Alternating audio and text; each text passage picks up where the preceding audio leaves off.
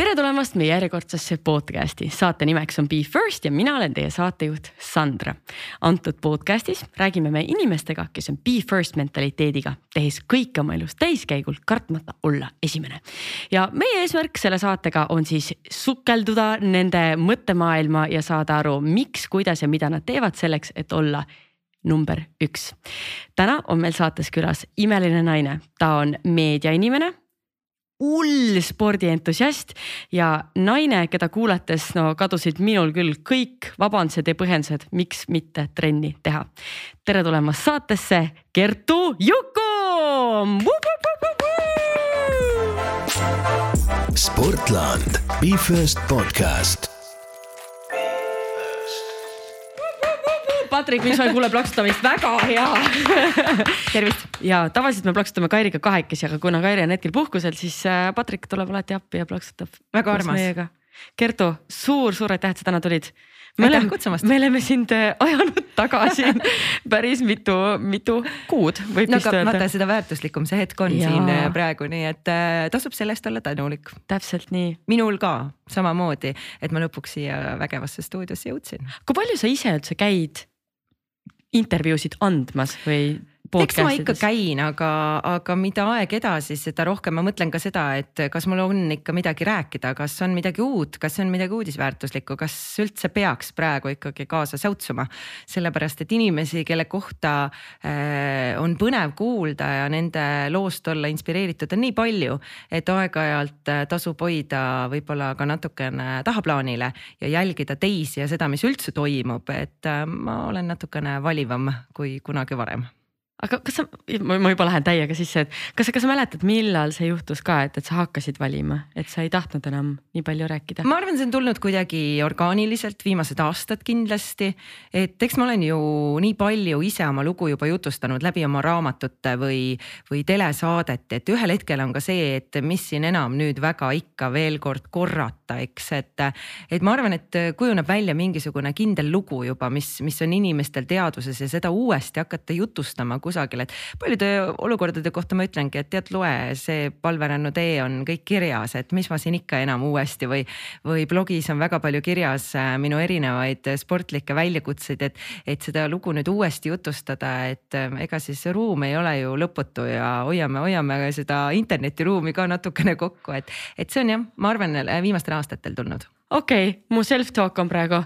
no pressure, Sandra uh,. et siis küsi Kertu käest selliseid küsimusi, mida tema käest pole veel mitte kunagi küsitud. nii et no ma ei usu, ma arvan, et ähm, ma arvan, et päris nii ei saa, sest ega vastused võivad ajas ka muutuda. sa ütled kümme aastat tagasi midagi, mille osas sa täna mõtled, et issand, kuidas ma nii sain mõelda, inimesed muutuvad, elu muutub. ja ma arvan, et viimased aastad iseäranis on olnud väga mind muutvad. nii et äh, ma arvan, et sa võid küsida vabalt küsimuse, mis on küsitud ka juba, juba mitukümmend aastat tagasi või, või paarkümmend või, või kümmekond aastat tagasi, aga vastus on teine okei okay., no kindlasti on ka kuulajad teised, sest et äh, erinevatel väljaannetel, erinevatel podcast idel on ka erinevad kuulajad, erinev, erinev publik. et äh, ma usun, et ma usun, et ka need vastused, millest sa oled juba rääkinud, ka palverännaku teed kõik oma maratonid, triatlonid, oma oh my god, äh, mägironimised, kõik asjad, et äh, ma kindlasti tahaks nendest natuke rääkida, aga enne seda ma tahaks kuulda äh, sinu esimestest, sest et ikka meil on meie saate nimi on Be First ja me räägime alati oma esimeses segmendis siis külalise esimestest, täpselt nii vastad, kuidas sina ise tunned, et sa tahad.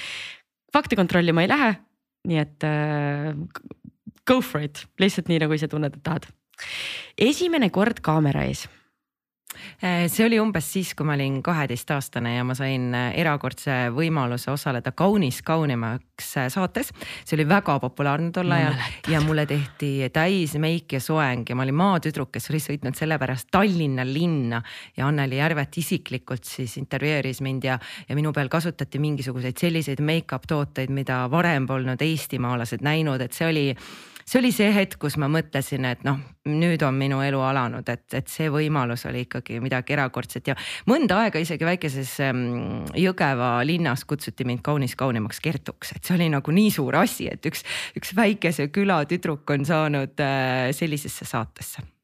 kas, kas sealt siis muutus midagi, kas tulid mingid uued võimalused? ei, muidugi mitte, ega ma siis ju väikeses külas elasin edasi ja, ja see oli lihtsalt selline hetk, mis ma mõtlesin, et noh, nüüd on minu elu igaveseks muutunud, et, et see kandis mind ikkagi. see oli, see oli minu jaoks väga suur asi tol ajal, ma mäletan, nii et äh, mul ei ole kahjuks sellest mitte mingisugust jäädvustust. ma olen vahel mõelnud, et peaks filmimehele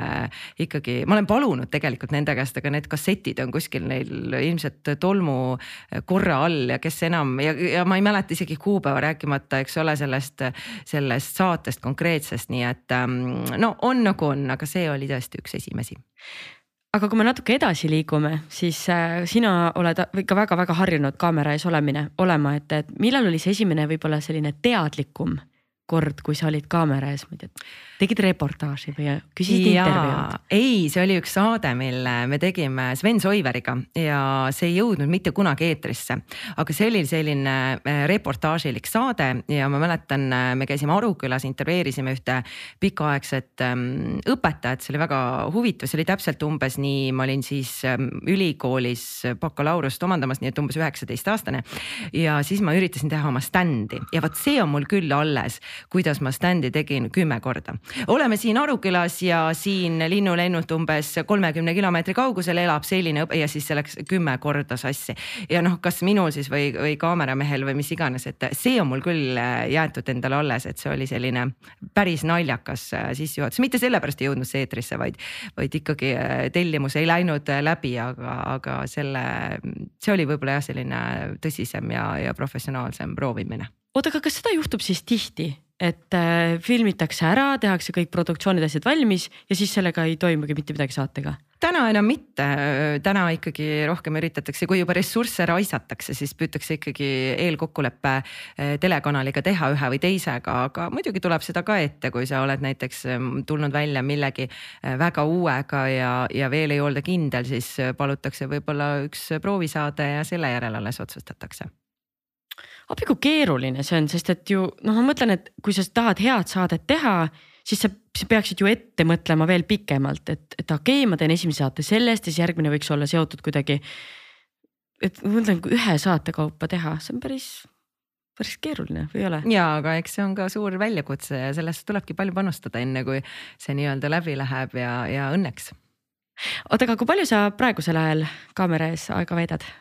Eks ma ikka veedan äh, aeg-ajalt äh, ühe või teise projekti raames ja, ja ütleme nii, et, et mõni asi on ka hetkel susisemas, et,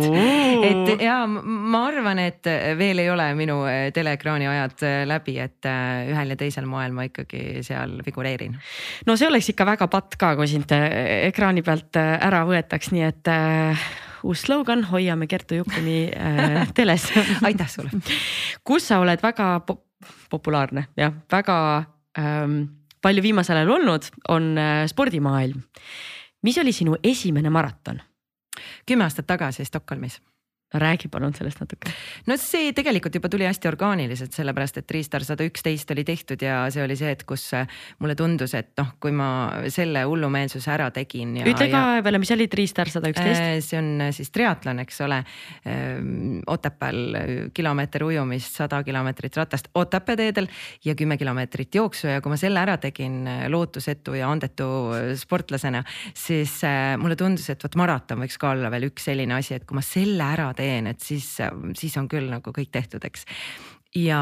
ja sellega läks üllatavalt hästi ka, nii et eks sealt kõik jälle uue tuule tiibadesse sain ja, ja see teekond tegelikkuses jätkus, aga, aga Stockholmis ja lõpetada olümpiastaadionil esimene maraton jääb alati elu kõige ilusamaks maratoniks. ütles üks mees mulle muide seal stardis ja ma kannan tema mõtet edasi, sest see tõesti vastab tõele. aga ma mõtlen, et, et enne seda kui sa võtsid selle triatloni ette, sest et see on ikkagi väga suur väljakutse, nagu sa ise ütlesid, Otepää rattaradadel ja palun ärme alahinda seda jooksurada. oota, kas see oli ümber seal äh, järve või see oli kuskil mujal?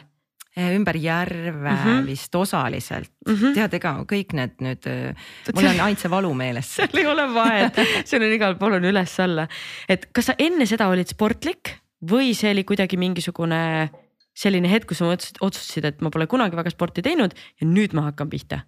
ja ma ei olnud mitte kunagi sporti teinud ja ma ei olnud käinud isegi kehalises kasvatuses, mina olin rohkem selline luuletaja hing ja ma sain aru, et sport ega liikumine pole üldse minu jaoks. ja eks siin on ka mingisugune selline mm, võimaluste küsimus, et äh, minule meeldis näiteks võistlustants, minule ei meeldinud võrkpall, mida minu perekond väga soosis ja, ja natuke ka peale surus. minule meeldisid hoopis sellised teistsugused alad ja selleks ei olnud seal Jõgevamaa väikeses külas kunagi võimalust nii et äh, mina otsustasin, sport pole minu jaoks ja kehaline kasvatus ammugi mitte ja eks ma olin selline nõrk väeti laps ka, et äh, mul ei olnud ka sellist eeldust, et ma nüüd saaksin kuidagi kehalises kasvatuses hakkama ja kui sa hakkama ei saa, siis sa nagu ei lähe sinna. sa hoiad pigem sellest teekonnast eemale. nii et, äh, et ma olin noh, võiks öelda küll absoluutselt spordikauge ja kui Aina-Lar Johanson helistas ja pakkus, õigemini siis tema tiimist ähm, Ago Arro, et äkki võiksid sa tulla ja olla meie võistluse patrooniks, siis mulle tundus, vau, nüüd hakkab see sporditeekond, muidugi ma tulen. et, et ega ma ei teadnud toona, mis see kõik endast ette kujutab ja, ja, ja kui, kui raske on tegelikult seda võistlust teha, aga see oli elu muutev otsus ja siin ma nüüd olen. Jah, ja seal olid sa ka olid sa ka augustikuus, kui sa tegid ära siis täispika triatloni, mis on ikka no crazy, Kertu Ironman on crazy, aga ma samas ütlen sulle tagantjärele, et ähm, ma varem teietasin inimesi, kes olid teinud täispika Ironmani, et ma väga harva juhatan kedagi sisse selliselt, et ta on teinud maratoni, on ju, või isegi kui ta on kolmkümmend teinud, et see tundub mulle ikkagi selline suhteliselt easy. aga kui inimene oli teinud Ironmani, siis see tundus mulle nagu ulme, et ujuda kolm koma kaheksa ja sõita sada kaheksakümmend kilomeetrit ratast ja joosta veel täismaraton. aga pärast seda, kui ma selle ära tegin siis mulle tundus, et see ei ole ju üldse nii raske, et äh, ma nagu, ma arvasin, et kui ma sinna finišisse jõuan, kus sina mul vastas olid, siis äh, ma kukun kokku ja ma veel mõtlesin, et huvitav, kas ma jõuan nagu poseerida, noh, sa pead ikka läbi mõtlema, eks ole, see on kõige tähtsam. Mm, käed üles tõsta ilmselt ma ei suuda, sest noh, mm, selleks hetkeks on ju läinud rohkem kui kümme tundi. ja et huvitav, et kas ma kukun sealsamas kokku või ma suudan ikkagi selle, selle joone ületada, et nagu mul oli nii palju mõtteid peas ja siis ma jõudsin sinna, mõtlesin, oligi kõik või nagu tõesti, kas see oligi kõik? Ironman nii nagu ka maraton, eks sõltub sellest, kus inimene täna oma sporditeekonnal või, või aktiivsuses on, aga, aga me mõtleme üle, et, et mm, tõesti, ma arvan, et see ja mitte ei arva, vaid nüüd juba tean kogemusest, et see on palju lihtsam, kui me arvame ja nagu kestvussportlased ikkagi ütlevad, siis ega distants ei tapa, tempo tapab. absoluutselt ja noh, selge on see, et ega siia tuleb ikkagi nagu tervislikkuse aspekt pigem nagu juurde, et, et kui tervislik siis ikkagi on teha Ironmani ja, ja ma tõesti kogu oma teekonnal olen äh, hästi hinnanud arstide ja spetsialistide hinnanguid ja arvamusi ja ma ei võta selliseid hullusi. ütleme kahe kuuga treenida Ironmaniks ei ole kindlasti tervislik. võib-olla juhul, kui sulle seda arst ja, ja, ja füsioterapeut ning treener ei ütle, et noh, sinu baas lubab seda tingimusel, et sa ei tee seda aja peale, eks, et sa käid seda läbi, sama maratoniga muide. see on äh, hästi selline hea diskussioon, et kas maraton on tervisesport, Margus Viigimaa alles hiljaaegu kinnitas, et äh, jah, on küll, kui sa ei tee seda aja peale ja sa, sa oled piisava ettevalmistusega, et minu eesmärk on täna ju ikkagi äh, teha tervisesporti, mis on tervise heaks kasuks ja mitte kahjuks, et, et niipea kui ma peaksin tundma, et mul on kuidagi kusagil vigastus või mu immuunsus on nii all, et ma jään haigeks, siis järelikult ma midagi teen valesti. Ja no, ja no Kertu, sa oled ikkagi kümme aastat üsna stabiilselt, mulle tundub äh, ennast treeninud ja ennast oma keha ette valmistanud selleks, et nii nüüd sa tead, varsti võib tulla täispikk triatlon et Jaa, see on ikkagi muidugi. väga pikk aeg olnud, et. nii nagu ikka, siis tegelikult nii maraton kui ka eh, triatlon algavad matkast, eks, et me ikkagi peame päris palju matkama selleks, et mingit baasi laduda ja siis alles tulevad väikesed jooksutrennid ja, ja ujumise trennid ja, ja noh, kui me räägime triatlonist, siis ärme unusta, et ujumine on ikkagi väga tervislik spordiala, samamoodi ka rattasport, seda soovitatakse nii ülekaalulistele kui vigastatutele, nii et, et mis seal ikka saab keerulist olla, küsimus on selles, et palju meil on aega, milline on meie baas, eks ole, et, et kui kui lubav on meie tervis, aga, aga fakt on see, et äh, sport või liikumine, aktiivne olemine teeb ja,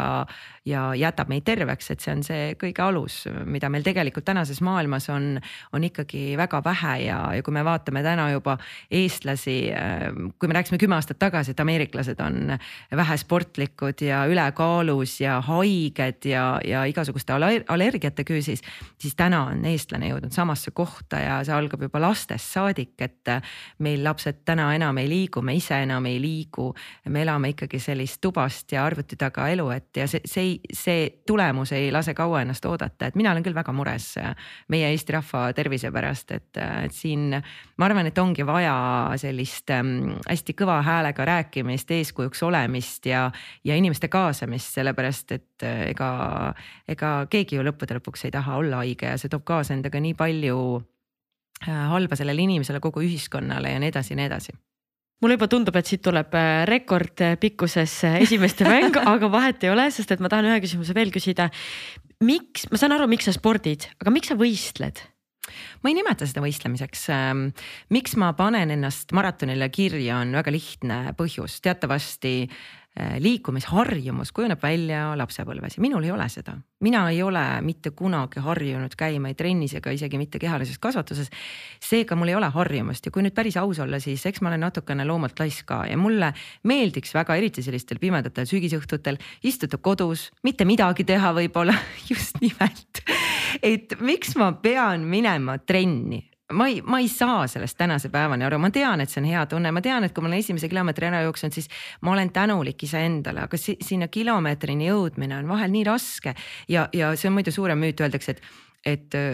tossude jalga panemine on kõige keerulisem, ma võin terve õhtu käia tossud jalas, ma võin dressides minna magama ka, aga ma ei lähe trennist, ma lihtsalt ei viitsi. aga kui mul on maraton kirjas siis ma pean treenima, sellepärast eks ma olen mõne maratoni teinud ka selliselt, et ma ei ole piisavalt trenni teinud ja need on ikka päris rasked maratonid, nii et ähm, ma olen siis sunnitud hoidma ennast äh, aktiivsena ja inspireerituna ka, et see kuidagi see motivatsioonitunne on mul siis olemas, kui ma tean, et no näed, nüüd ma lendan siis sellesse maailma põnevasse paika ja ma jooksen sellel kuupäeval seal maratoni. et see aitab, näiteks nüüd ma just mõtlen, et issand, kus see järgmine teha, äkki Marokos. jaanuaris on seal üks tore maraton, et. Maroko on äge no vot ja, ja mina ei ole käinud ka veel, nii et, et seal on see mõte, et noh, siis oleks nagu see pime, külm talv, sügis nagu kindlustatud, olemaks aktiivne, et ma pean jah selle võtma ette ja ma ei võistle, ma läbin maratone, et, et ma läbin naeratus näol sellise tundega, et mul on väga hea olla ja pärast maratoni tuleb alati pidu. ja ma olen sinuga, mul lihtsalt tundus, et ma vaatan sind ja natuke pruunim versioon minust lihtsalt räägib, räägib praegu, mulle tundub, et lihtsalt inimesed arvavad, et kui sa oled sportlik üldiselt nii näiteks sinu ja minu kohta, et siis see tahe ja see motivatsioon on kohe sees ja nagu meeletu soov kõike teha. Ja ma nii hästi saan aru, mul on ka ikkagi see tunne, et oh, ma ei viitsi, ma pean tegema, aga ma tean, et see on minu jaoks hea ja eesmärk on see tegelikult, mis vutsitab. et, et ma, ma nii hästi mõistan sind just. liigume edasi. Mm, sa reisid hästi palju seoses äh, spordivõistlustega mm -hmm.. noh, sa küll ei ela seal pikka aega kohapeal, aga ma tean, et sa oled ka välismaal elanud. mis oli esimene kord, kui sa elasid välismaal? kui ma kaheksateist sain, siis ma nägin võimalust siit äh, just jälle sellest väikest, väikesest Eestimaa külast Eh, lahkumiseks ja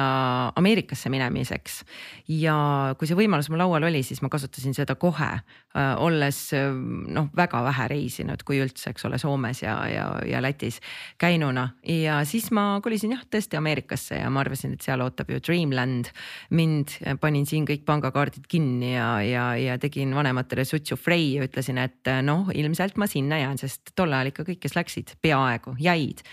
aga ma ikkagi aasta pärast tulin tagasi. aga mis sa tegid seal? ma olin lapsehoidja, ma käisin nii nagu ikka tol ajal paljud läksid ja käisin kohalikus äh, koolis ka kolledžis. Äh, võtsin erinevaid kursusi, nii et selline tüüpiline pakett, mis, äh, mis sellise tööga kaasnes. aga miks sa siis ei jäänud? esiteks mm, see töö oli lapsehoidjana, mul oli kaks erivajadusega last, üks Downi sündroomiga, teine ratastoolis, see oli kohutavalt raske füüsiliselt, vaimselt kaheksateistkümne aastasele inimesele, kes avastas nüüd enda ümbert nii palju suurema maailma ja ma tahtsin rohkem võib-olla iseendale elada, ma tahtsin rohkem teha ja mulle tundus, et, et kui ma selle ühe aasta võtan, et elada neile lastele, et siis uh, that's about it. Ja teine asi kindlasti, ma hakkasin igatsema Eesti kultuuri, Eesti inimeste järele, sest Missouri, kus ma elasin, seal eestlasi ei olnud. ja mitte, et ameeriklane tingimata äh, ei sobiks, aga kuidagi see Eesti kultuur ja Eesti huumorimeel ja Eesti inimene ja see pani enese järele igatsema. Eh, pluss ma tahtsin kindlasti õppida just Eesti ülikoolis, et äh, mulle tundus, et, et kui ma kolin tagasi ja saan endale lubada nii palju reisimist, kui mina tahan, siis ma võin elada Eestis. ja täpselt seda lubadust olen ma pidanud ja Ameerikasse ma ikka iga teatud aja tagant rändan tagasi ja nüüdki käisin just kakskümmend aastat hiljem oma sealsel perekonnal külas. et äh, ma hoian hästi tihedat kontakti ja, ja mulle Ameerikas väga-väga meeldib ja rännata ka seal ringi, tutvuda eestlastega või, või kohalike inimestega. aga kuidagi Eestimaa on ikkagi väga armas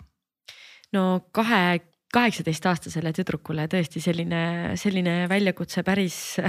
päris suur amps, mida, mida järada. kui sa praegu mõtled, siis mis olid need, ma ei tea, kõige suuremad õppetunnid, mida sa sealt, sellest aastast siis järgnevatesse aastatesse kaasa oled võtnud? seal on tegelikult üks hästi äh, kindel äh, õppetund ja seda õpetasid muide needsamad äh, lapsed mulle. et kui sul on tervis, siis sul on kõik olemas sul ei ole mitte midagi muud, kõik muu on boonus, et ähm, see oli hästi oluline õppetund ja, ja selle kõige juures äh, ma õppisin, et need inimesed, kellel ei ole tervist, et ka nemad suudavad ja oskavad olla palju õnnelikumad tegelikult kui meie, kelle meil on kõik eeldused ja kõik võimalused olemas, et, et ähm, see oli see hetk, kus ma tegelikult äh, mõistsin, et minu ainus ülesanne on hoida seda, mis mul on. Vau, ja me kipume selle ära unustama tõesti ja vahest on ka nii, et äh, ma lihtsalt korra, lihtsalt tuli see mõte pähe, et, et minu käest ka on varasemalt küsitud, et, et noh, et miks sa teed, miks sa käid seal võistlustel ja miks sa teed sporti. ja siis lõpuks ma nagu ei osanud enam vastata, sest mulle tundus, et nagu, et kõik need vastused, mis ma andsin, olid kuidagi sellised noh, nagu segased ja siis ma tulin selle peale, mõtlesin, et aga sest, ma saan sest et ma saan seda teha, mul on võimalus seda teha ja kui ma ei kasuta seda, neid võimalusi, mis mu keha on ja loodus on mulle andnud, siis pff, see on ju raiskamine. nii et äh, see on väga hea, väga hea õppetund, mida sealt kaasa võtta. ma liigun edasi. me räägime pärast liikumisest veel. Äh, mis oli esimene koostöö? ja sa võid seda tõlgendada täpselt nii, nagu sa tahad mm. -hmm ma arvan, et need jäid kusagile sinna raadioaegadesse, kui ma äh, erinevaid reportaaže tegin maalt ja maa pealt erinevatest eri, e, isegi mitte Eesti otsadest, vaid ma käisin tõesti äh, välismaal ka mm,. ma arvan, seal oli neid koostöid kõikvõimalikke erinevaid, aga mis oli see kõige esimene, mul ausalt öeldes enam ei meenugi. ilmselt see väga tulus ei olnud aga, aga ma arvan, et jah, et, et see oli mingi selline koostöö. no üks põnev koostöö, mis mul meenub siiski, oli elektriautode maratonil osalemine ja siis oli tulnud täiesti esimene Tesla, mitte isegi Oho. Eestisse, see renditi mulle Šveitsist ja mul tuli sõita sellega siis äh, välja Monacosse. ja vot see koostöö oli küll üks, üks äh, põnevamaid ja, ja omamoodi erakordsemaid, sest see Tesla mis mulle renditi, selle aku sai kogu aeg tühjaks ja ma seisin kõikvõimalikes äh, Euroopa linnades siis äh, seda laadimas ja tol hetkel ei olnud ka väga palju laadimise võimalusi. nii et äh, oli öid ja päevi, kus noh, sa pidid tegelikult nagu terve päeva sõitma näiteks ja siis öö läbi istusid ja ootasid, kuni aku saab täis ja muidugi me jäime tee peale ka mõned korrad. see oli küll üks põnev koostöö ja mis jääb saatma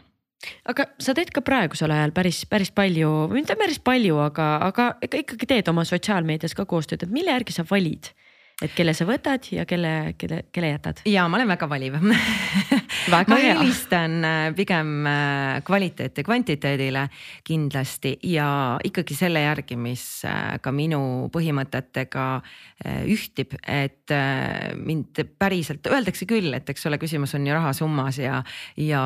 noh, kui lajatada ikkagi tohutu patakaga, et siis oled nõus nagu kõike tegema. päris kõike ma kindlasti ei tee, et, et on teatud tootegrupid, mida ma põhimõtteliselt ei saa mitte kunagi toetada. olenemata sellest pakkumisest on kindlasti mingid teemad, mis lihtsalt mind ei kõneta. aga, aga üldiselt ja kui on, kui on selline professionaalne ettepanek ja, ja see on äh, lahedalt läbiviidav, siis, siis ma ikka võtan vastu mingeid ägedaid pakkumisi kas sa tahad öelda ka, et mis on need, need valdkonnad, mida sa kohe kindlasti ei tahaks või kellega sa ei tahaks koostööd teha? Ja no selge, et ma ei äh, võta vastu mitte mingisuguseid ähm, äh, selliseid esoteerilisi teemasid. ma püüan ikkagi rohkem sellise teaduspõhise teemaga seotud olla ja, ja tubakas ja, ja alkohol, noh, see on selge, et äh, need on välistatud, kui me vaatame üleüldist pilti ja, ja ma ei saagi selliseid asju toetada aga kas on mõni selline bränd, kes ei ole sinu poole veel pöördunud ja sa mõtled, et uh, nendega tahaks küll midagi koos teha? tead sa, praegu mul küll hetkel ei meenu eks sellega on ka nii, muidugi see on väga hea küsimus, sest äh, ütle välja ja, ja Aha. küllap see tee jõuab sinuni, aga, aga praegu mul hetkel küll ei, ei meenu kedagi, kes ma mõtleksin, et vot seda ma tahaks. Eestis on muidugi nii lihtne ka, eks ole, et äh, küllap sa tead kedagi, kes teab kedagi ja, ja selle kaudu sa juba jõuadki selle kontaktini ka ja ütle vaid välja, kui täna ei ole seda võimalust, siis homme kindlasti on, et, et selles mõttes on kuidagi ikkagi selles armsas väikeses konnatiigis ähm, lihtne no kui sul tuleb saate jooksul mõni selline mõte pähe, siis ütle välja, sest et tõesti siit saatest on nagu, see on nii naljakas on mõelda, siit on tulnud mingisuguseid selliseid väga-väga põnevaid koostöid, näiteks äh, Mihkel Vetemaa äh, Täitsa Pekis podcast'is, nemad käisid meil külas äh, koos Katsiga ja siis Mihkel ütles jah, et ta tahaks ka mingi spordivõistlusele minna. ja siis läks kohe Kõrvemaale sinna triatloni tegema ja siis läks tegema veel rattamaratoni, ühesõnaga vend nüüd täiega pluumib ja, ja teeb erinevaid spordialasid, et, et no äge, et kuidas need asjad lähevad, lähevad ringlema. nii et kui midagi pähe tuleb, kohe ikka välja. saab tehtud mul on sulle kaks küsimust veel. nii, mis oli sinu esimene päästetud kiisu, sest ma tean, et sa tegeled, see on sinu nagu üks, üks selline südameasju olnud no selline teadlik äh, looma, ma ei nimeta seda kaitseks, aga võib-olla loomapääste algas siis, äh, kui ma endale oma kodu ostsin. Äh, see oli ka umbes kümme aastat tagasi, aga tegelikkuses jääb see ikkagi lapsepõlve, et ma olen endale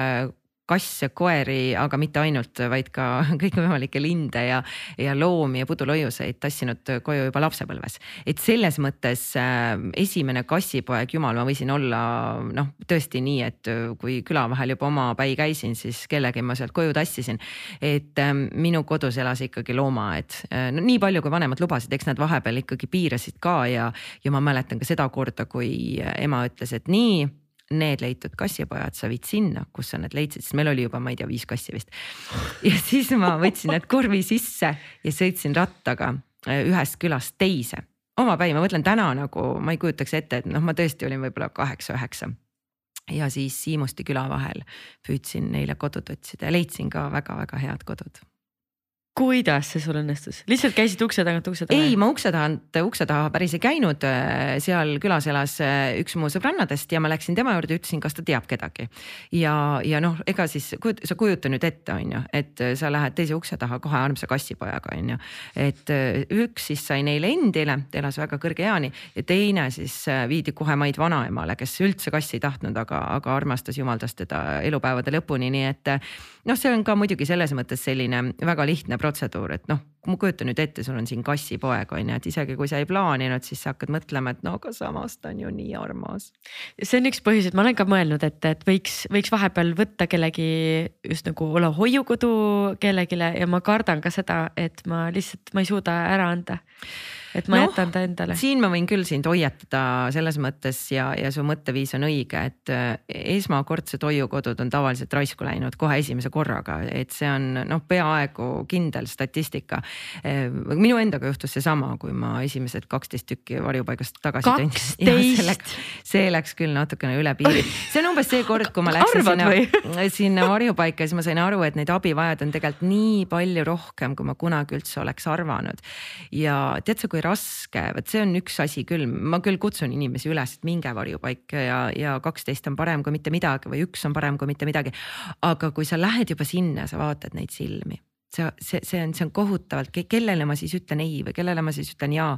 ja siis kuidagi juhtus tõesti nii, et, et kaks täiskasvanut ja kümme kassipoega, ma mõtlesin, no mis, no mis seal enam nagu noh, ruumi on, et noh, mis seal siis, eks ole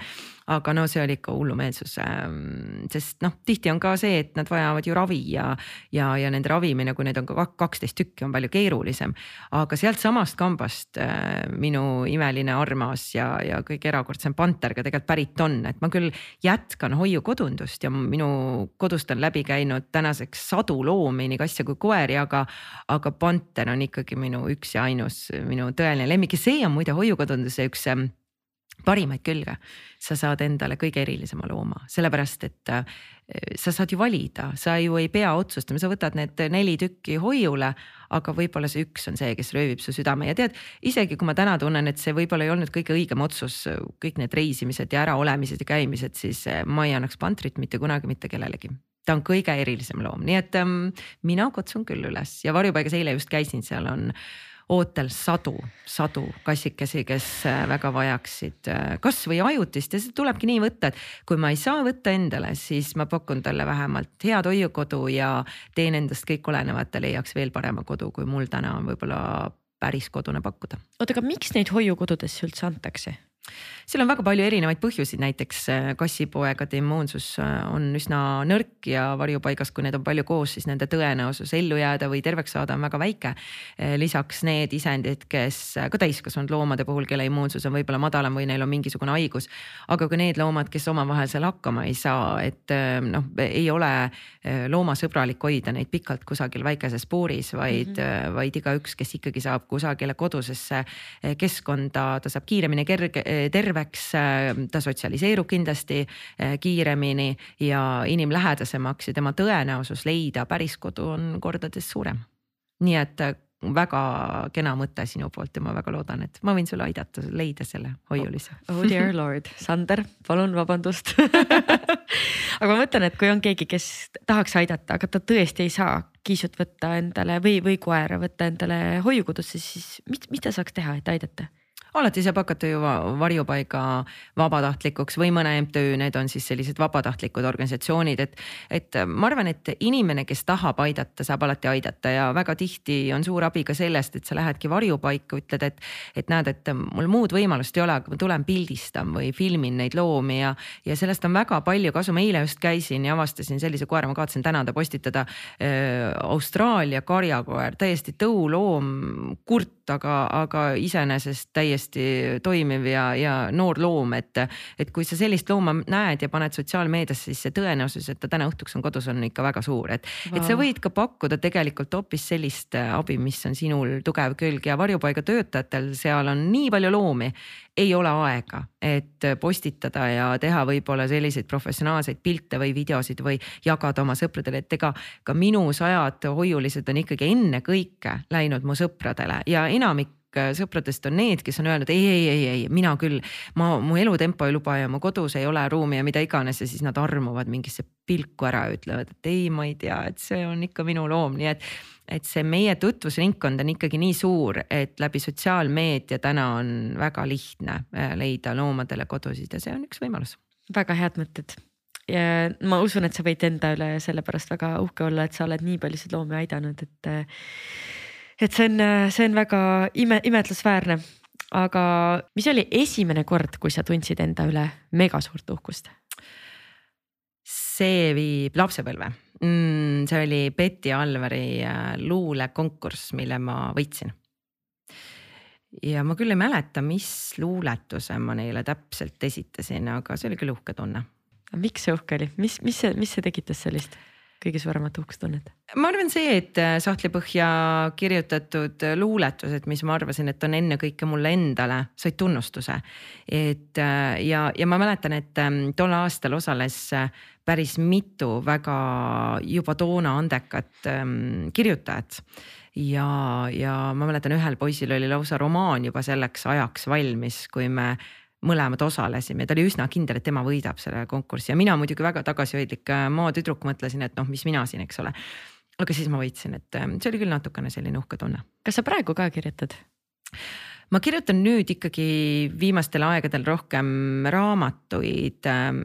aga mul on sahtlipõhjas päris, päris palju luuletusi, et võib-olla ühel päeval äh,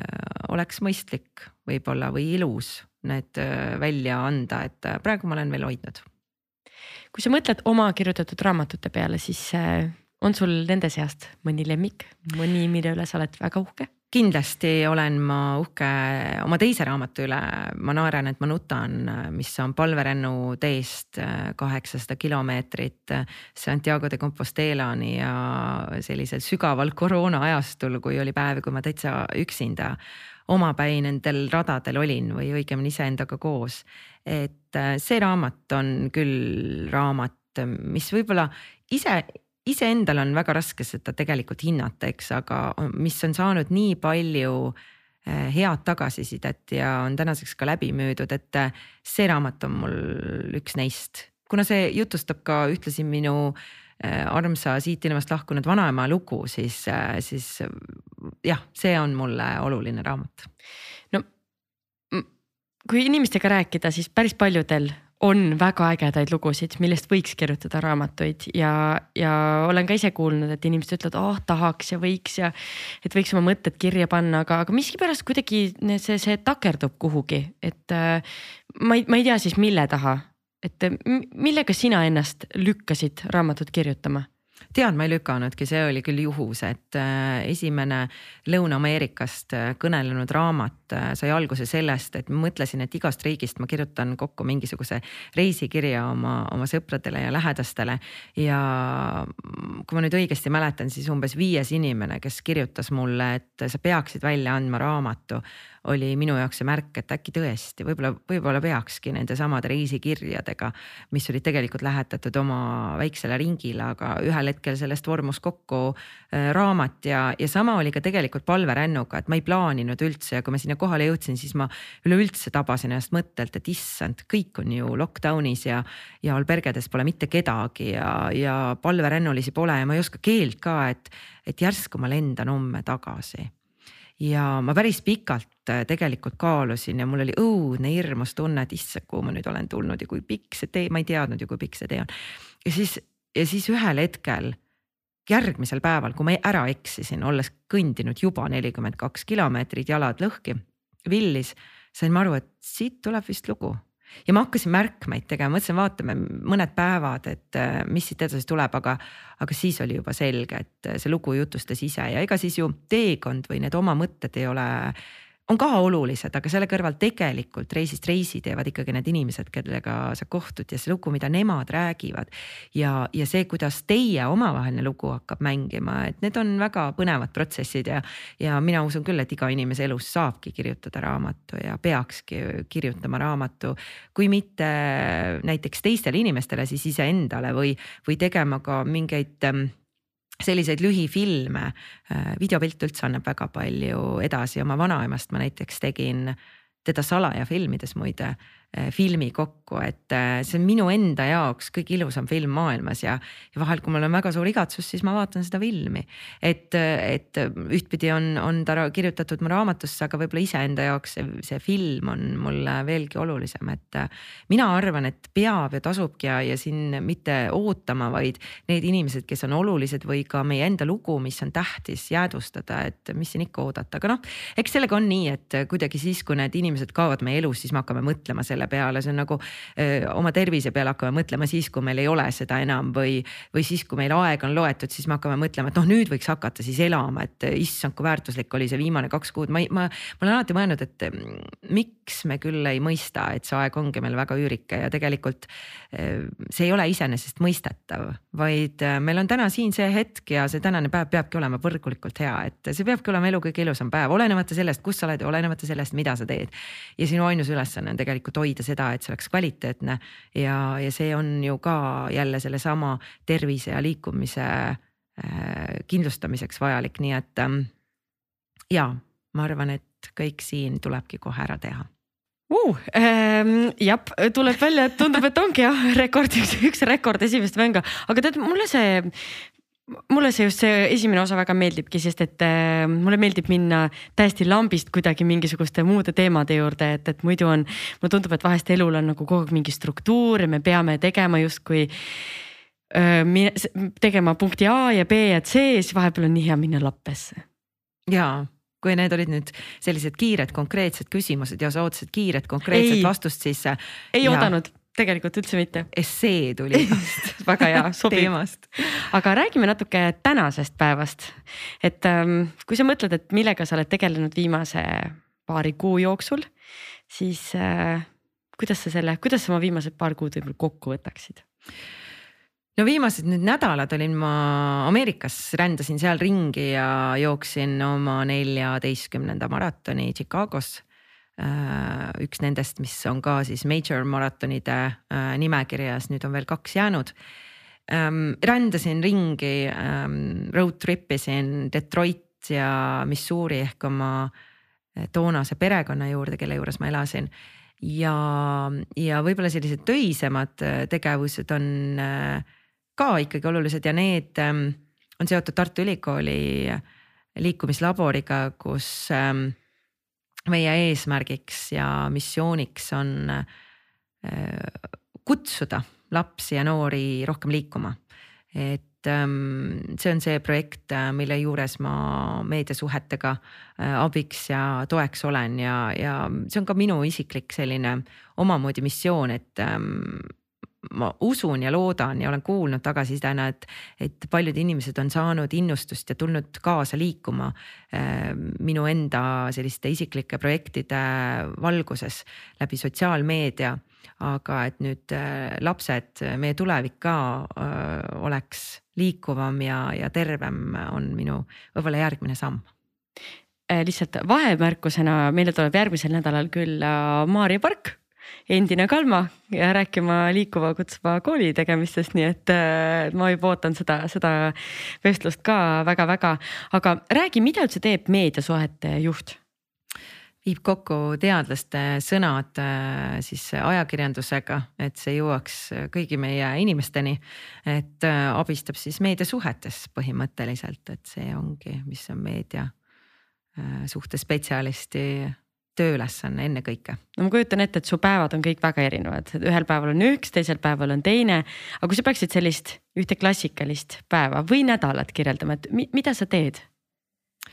Ehm, oleneb siis sellest, mis on tõesti nagu päevakorras, näiteks äh, siin äh, nüüd üsna pea algab õuesõppe nädal. ja see tähendab seda, et tuleb sellised kõige aktiivsemad ja tublimad õpetajad, kes oleksid ka head kõneisikud äh, välja otsida ja viia nad kokku siis ajakirjanikega.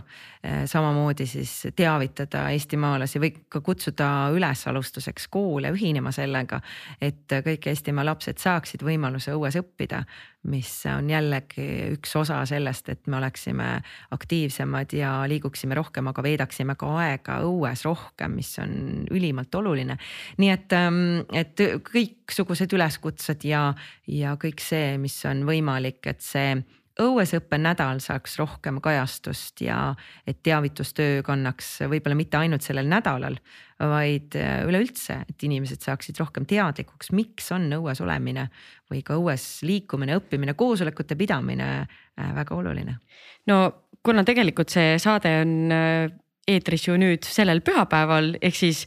pühapäeval täna, kui te seda kuulete, siis juba homsest hakkab see nädal pihta kas, kas sa tahaksid, tee, sul on nüüd võimalus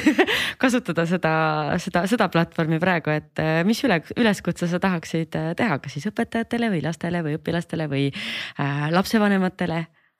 Üleskutse ongi väga ja see on kõigile inimestele, ma arvan, et see üleskutse on väga lihtne. et kui sa oled õpetaja, siis võta ette see nädal ja püüa siis, ma ei tea, vähemalt üks tund päevas veeta õues ja lapsevanematele, ega siis ärme unusta, et lapse eeskujuks ennekõike on ikkagi lapsevanem, sul ei ole võimalik loota oma lapselt midagi, mida sa ise talle eeskujuna ei paku. veeda lapsevanemana vähemasti üks tund õues, näiteks õuekoosolekut pidades või äh, näiteks kasvõi äh, ühte tundi lihtsalt õues liikumiseks ja nädalavahetused üldse veeda looduses, see on niikuinii minu soovitus, nii et, et jah, see ongi minu üleskutse no see tundub olevat väga põnev töö, mida, mida sa teed, aga sa oled ka eelnevatel aastatel tegelikult teinud väga-väga põnevaid, põnevaid asju, sa oled olnud ra, no raadios sa olid ikka väga-väga pikka aega ju. seitse, kaheksa? no ikka kokku lausa kaksteist aastat. kaksteist, oi jumal, okei okay,, ma hakkasin aastaarvud jooksid peas ringi. ja pärast seda sa oled, oled tele, teles olnud, et ähm, kui sa nüüd mõtled, et just nende viimase paari aasta peale, et äh, telest on liigutud kommunikatsiooni, kommunikatsiooni, kommunikatsiooni valdkonda, et mida sa oled pidanud enda kohta ümber õppima, kas, kas on olnud üldse midagi sellist? ma ei ütleks, eks see meediavaldkond on kõik omavahel ju sedavõrd palju äh, seotud ja, ja ma arvan, et ka selline ajakirjandus iseenesest on muutunud palju äh, laialivalguvamaks, et selliseid pulleritsu taolisi äh, tüpaaže on aina vähem. kogu online meedia, ma ei pea seda võib-olla õigeks ja see võib-olla ei ole nagu Äh, ei oleks minu valik, aga, aga nii lihtsalt on, et äh, meil on täna ikkagi meediakanaleid erakätes. mis tähendab, et, et väga raske on leida autonoomset ajakirjanikku või ka autonoomset kanalit, see paratamatult on nii. et äh, klikimajandus töötab ühes ja, ja teises ettevõttes ja kõik püüavad sellel üsna väikesel turul kuidagi ikkagi ellu jääda äriettevõtetena et ma, ma küll ütleks, et, et siin ei ole, need need tööd on erinevad, raadio on olnud ähm, ja ka raadios ma olen teinud erinevaid asju, eks ole, olla uudistetoimetaja on hoopis midagi muud, kui olla reporter varahommikustel tundidel hommikuprogrammis. Äh, või, äh, või telemaailmas, et need saated on olnud nii erineva ähm, üldse erineva kava või ka eesmärgiga, et välja lend, reisijaht, need olid ju pöörased saated, kus hommikul läksid välja, sa ei teadnud mis sind ees ootab. sa ei teadnud, kellega sa kohtud, sa ei teadnud, kellega koos sa selle päeva äh, veedad ja, ja kuhu sa lõpuks jõuad, et kes siis ikkagi võidab selle saate, et, et meil ei olnud seal ju midagi kokku lepitud, ainus, mis oli, oli see algusaeg ja, ja järsku hakkas kõik toimuma ja juhtuma ja see päev oli täis erakordset sündmused, et need ei ole nagu iga selline tööots või, või saade, mida ma olen teinud, on jälle nii omanäoline, pakkunud hoopis teistsugust kogemust. aga samal ajal jällegi meediamaailm, kõik on nii omavahel seotud, et kui sa oled raadios hea rääkija, sul on mingi karisma ja sul on fotogeenilisus, siis on üsna loogiline, et sa siin vähemasti Eestimaal küll leiad endale ka mõne põneva Äh, saatejuhtimise võimalus televisioonis ja, ja samamoodi jällegi televisioonist on, on üsna tavaline liikuda ka kusagile online meediasse või, või hoopis kommunikatsiooni, et ähm, ma arvan, et äh, see on isegi hea, kui sul on kõik erinevad, muidugi mulle meeldiks ka olla sellise ühe ala totaalne spetsialist, ekspert, see on alati väga Äh, aupaklik mu meelest, kui inimesed on seda. aga teistpidi ka omada igast valdkonnast äh, mingi kogemus ja teada väga hästi, kuidas töötab raadio. kuidas toimib televisioon või kuidas tehakse tegelikult väga head produktsiooni ja samal ajal tänases maailmas äh, osata pealkirjastada uudiseid nii, et need oleksid klikiuudised ja, ja kolmandaks nagu olla siis see kommunikatsiooniekspert, kes suudab äh, Äh, võib-olla ka vähem olulise teema teha nii oluliseks, et see jõuab kõikide inimesteni, et ma arvan, et need on teineteist täiendavad. aga milles sa tahaksid olla, see ekspert? ma arvan, et see täna ongi omamoodi, eks ole, ma tahaksin olla meedia äh, suhtluse ekspert, aga tead, see on ka selline küsimus, et täna ütlen nii ja võib-olla noh, eks, eks elus on olnud neid hetki, kus ma mõtlen, et mis töö see raadiotöö näiteks on üldse on ju, et, et noh, see, see raadiosaatejuht on ju, et, et inimesed küsivad, et kas sul muidu päris töö ka on või, või kui ma läksin äh, ülikooli magistrikraadi omandama, siis kõigil olid nii tähtsad positsioonid, mingid divisjoni juhid ja ülemused, see on see esimene loeng, kus sa pead ennast tutvustama, on ju. ja siis ma mõtlesin, et issand, kes mina siis nüüd olen nagu, et kuidas ma ütlen minu nimi, minu nimi on Kertu, mina olen Raadio Hääl on ju, et mis asi see veel on. ja siis ma mäletan, ma ütlesin, kuna Eesti Ekspress oli ükskord nimetanud mind raadioajakirjanikuks siis ma ütlesin, mina olen Kertu ja mina olen raadioajakirjanik, siis ma vaatasin küll, et inimesed vaatasid, vau. ja seal olid direktorid ja divisjoni juhid on ju ja ettevõtjad on ju, aga noh, kui sa jälle teistpidi mõtled, mis see ettevõtja täna nagu on, et ta on registreerinud OÜ ja tal on, saadab äh, korra kuus äh, paar arvet välja, kas ta on ettevõtja ja ettevõtte direktor, no ilmselt on, aga, aga need mastaabid võivad ju väga erinevad olla, et ähm, et aga, aga noh, ma arvan, et ei, ei peaks ühtegi positsiooni pisendama, kui inimene on sellega rahul ja, ja talle meeldib teha seda, mis teda teeb õnnelikuks, rahulolevaks, siis on kõik ju väga hästi. sa bakas õppisid äh, riigiteadusi ja nüüd oled äh, lõpetanud Tartu Ülikooli ajakirjanduse ja kommunikatsiooni magistratuuri. miks sa otsustasid äh, Tartusse õppima minna? Tead, mul oli ammu juba see mõte, et ma tahaksin Toomemäel jalutada ja ma tahaksin veel kord käia tudengipidudel ja, ja no ma korra kaalusin ka täielikku äh, siis valdkonna vahetust ja mõtlesin, et nüüd lähen juurat õppima ja õpin ikkagi advokaadiks. ma olen alati mõelnud, mu vanaema õigemini ütles, et ma olen selline kaduma läinud talent advokaadina mm,. aga siis selgus, et Tartu Ülikool nõuab äh, matemaatika eksamit ja no minna nüüd nagu kaheteistkümnendasse tagasi sellele levelile ja teha eksam, ma mõtlesin, et see on ikka natukene ulme ja siis ma vaatasin, kuhu ma siis sisse saan ja kuidagi kõik teed viisid jälle kommunikatsiooni ja ajakirjanduseni. ja ega ma tagantjärele olen ikkagi äh, rahul ka selle valikuga, et vahel elu ikkagi sätib ise mingid asjad paika. et ähm, kuidagi loogiline valik ja, ja magistrantuur on, ma arvan, täna ikkagi selline äh, tase, mis, äh, mis annab väga jälle taaskord jälle väga palju juurde, et, et see üle pikkade aastate minna uuesti õppima, kõigepealt õppida õppimist ja olla jälle selles äh, nagu õppimise mm, protsessis on väga arendav. et see, see tundub nagu, et mis sa siis ikka, et noh lähed ja hakkad ju kirjutama esseesid ja kõik, aga, aga tegelikult äh, see õudselt arendav projekt äh, minu enda jaoks ka ja, ja olgugi, et siis võib-olla valdkonnas, kus praktilisi teadmisi on mul äh, võib-olla, et keskmisest enam, aga teoreetilist baasi mitte sedavõrd ja, ja ma olen väga mm, rahul, et ma selle sammu tegin. mis su jaoks kõige suurem väljakutse oli, kui sa siis üle väga pika aja läksid äh, õppima jälle? no see oli paratamatu, et äh, oli ju koroonaaeg, sügav koroonaaeg ja see see, et ma Toomemäele ei jalutanudki peaaegu mitu kordagi ja tudengipeole ma ei jõudnud ka mitu kordagi, sest äh, enamus õppest toimus distantsilt, mis muidugi andis mulle võimaluse samal ajal, eks ole, kuulata loenguid ja palverännata kusagil Hispaanias või, või. sa tegid seda samal ajal või? ja see oli küll oh. naljakas ja kusjuures muide, siin on täiesti, ma ei, ma ei mäleta, kas see on mu raamatus kirjas ka, aga, aga mul oli samal ajal üks mu lemmikaineid äh, loo jutustamine ja kunstikooli direktor, kes seda meile luges juures ja väga karismaatiline põnev inimene, kes on ise ka kirjutanud raamatuid. ja meil oli just loengus siis käsitlesime teemat, kuidas siis kirjutada raamat, mida Eestimaa vajab, sest Eestimaa raamatuid täis enam ei ole ühtegi raamatut meil vaja põhimõtteliselt, eks, et loeme klassikat ja, ja sellest piisab. aga see, see loeng lõppes sellega, ma ei julgenud öelda, et ma ei näita oma pilti, sellepärast et noh, ma olen tegelikult praegu siin kuskil Baskimaa äh, rajal, eks ole, mul on veel kakskümmend kilomeetrit minna ja ma lõpetasin selle loengu ära ja kui ma võtsin ühendust õppejõuga, tänasin teda selle loengu eest, siis ma ütlesin ka,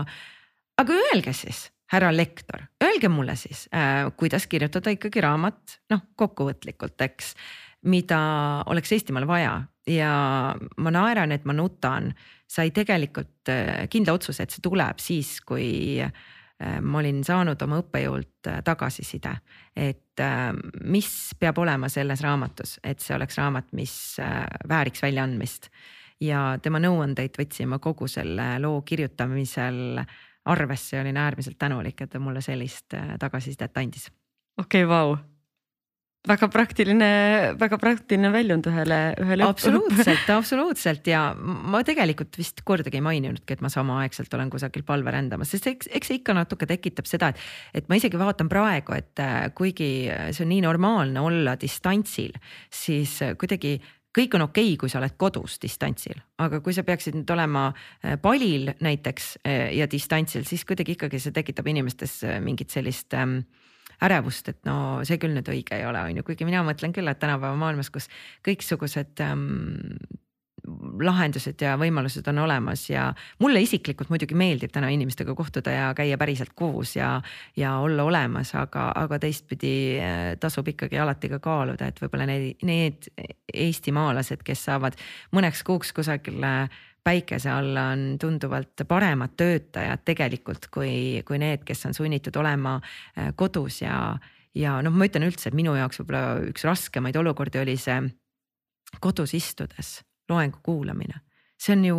noh, kui me mõtleme, kuidas hakkab meie aju tööle, kui me liigume ja kuulame, on ju. ja versus see, et me istume kodus ja kuulame kaheksa tundi monotoonset juttu, oli olukordi, kus ma hakkasin kuulama, sest ma, ma olin ikkagi väga kohusetundlik õpilane. aga ma jäin magama ja ma ärkasin selle peale, et kõik olid sealt Zoom'i ruumist lahkunud ja siis mina ikka seal olin, on ju, nii et õppejõud sai ikka teada, et ma tegelikult ei kuulanud enam ammu. ja siis ma ei saanud selle aines osalemise punkti ka kirja või midagi taolist ja seda juhtus korduvalt. või teine asi oli see, et aa, ma olen kodus, äh, äkki siis peseks täna aknad ära ja siis, kui kaks tundi oli möödas, siis ma mõtlesin, et oota mis loeng meil üldse käis, et, et ma arvan, liikumise läbi ja, ja uute teadmiste omandamine, et, et see protsess kuidagi toimibki palju orgaanilisemalt ja edukamalt ja tulemuslikumalt kui see, et me istume kusagil tubases keskkonnas ja, ja veel enam kellegagi koos võib-olla mingis situatsioonis mm, teha loomingulist tööd on palju keerulisem kui omaette ja, ja võib-olla tõesti olla hoopis looduses. no minna õppima ikkagi äh, magistrantuuri, see on väga suur otsus, sest et sa võtad ikkagi endale vastutuse päris, päris pikaks ajaks äh, panustada palju aega selle, selle protsessi peale. ja mulle tundub, et sa oled oma elus ikkagi võtnud vastu selliseid suuri otsuseid, kirjutada raamat tegelikult täpselt samamoodi, ma ei tea, vahetada töökohti. kas sul on mingisugune, ma ei tea, praktika või mingisugused küsimused iseendale, et mida sa esitad, kui sa tead, et sa hakkad vastu võtma mingisuguseid suuri, suuri otsuseid ma arvan, et iga asi on olnud äh, seotud kuidagi kas mingi hetke või mingisuguste asjade kokkulangevuse ja õnnega ka elus peab väga palju õnne olema selleks, et äh, mingisugused asjad sinuga juhtuksid või pakkumised su lauale tuleksid. Ähm, ma arvan, et seal ei ole mingit kindlat mustrit aga kindlasti on sellel teel olnud kaasas äh, mu mentor kui ma ikkagi tunnen, et võib-olla ma ei ole päris kindel, kas see valik on õige või millistel tingimustel see valik oleks õige, siis mul on üks inimene küll, keda ma pean kõige targemaks inimeseks siin maailmas, kes aitab mul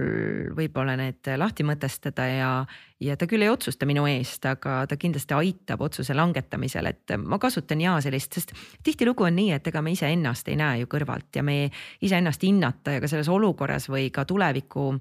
võtmes ei oska adekvaatselt. Ja kellegi spetsialisti kaasamine kaasamine sellesse on tänuväärne, sest ta oskab näha võib-olla hoopis teisi kilde selle kõige juures, aga, aga jah, ma uisapäisa otsuseid eh, püüan mitte teha ja, ja mõned asjad on ka võib-olla minust mitte sõltuvad üleüldse, et, et see on kuidagi tulnud mu lauale ja, ja, ja või, või lõppenud sellepärast, et lihtsalt kusagil mujal on toimunud muudatused, siis nii lihtsalt on ja igal asjal on alati oma positiivne külg ka et iseküsimus, kas me seda näeme ja sellele tähelepanu pöörame. see viimane asi, mis sa praegu ütlesid, et äh, igal, kui ma võin siis parafraseerida umbes, et igal lõpul ka võib-olla natuke valusal lõpul on mingisugune positiivne külg. see on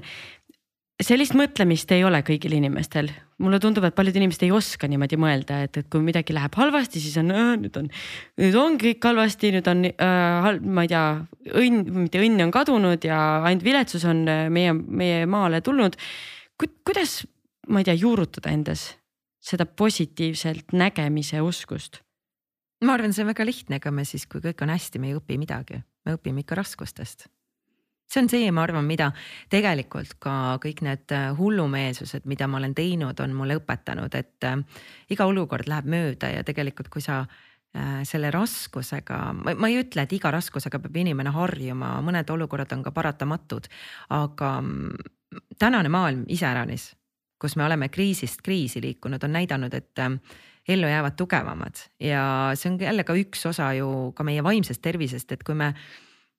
püüame leida nendes asjades seda positiivset äh, külge ja sisendame endale, mina sisendan vähemasti endale küll, et kui on väga-väga raske, siis ma mõtlen, et see on see olukord, mis jälle õpetab mulle midagi, vahel ma ei saa isegi aru, mis see on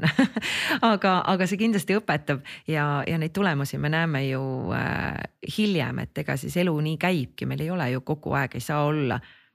mm, päikesepaiste ja ega me siis seda ju ei hinda, kas Miami inimesed on hirmus rõõmsad, et iga päev paistab päike, nad ei näegi seda vahet, eks, aga meie, eestlased, oleme ju kohe rõõmsamate nägudega, kui lõpuks tuleb see päikesepaisteline päev, et niimoodi tulebki seda mõelda ja, ja mõned olukorrad on raskemad, keerulisemad siin elus, aga need õpetavad ka seda rohkem. mis sind kõige rohkem õpetanud on? Kõige rohkem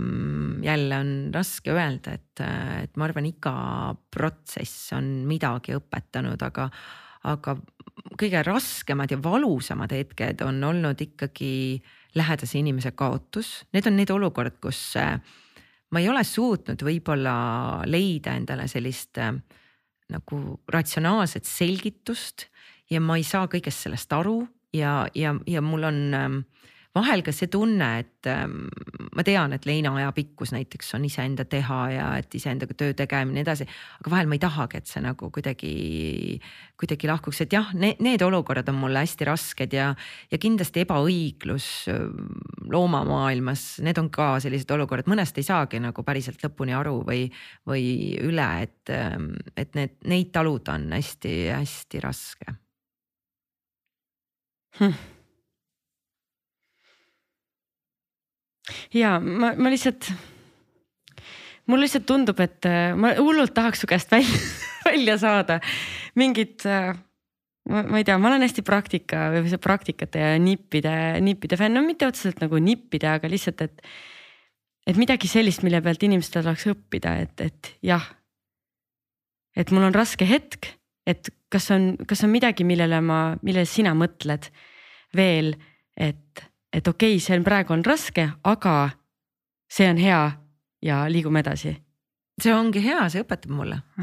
ma ei õpi, kui kõik on hästi, siis ma ei õpi mitte midagi, kui olukord on keeruline, siis ma õpin sellest, kas seda taluma, kas äh, sellest väljuma,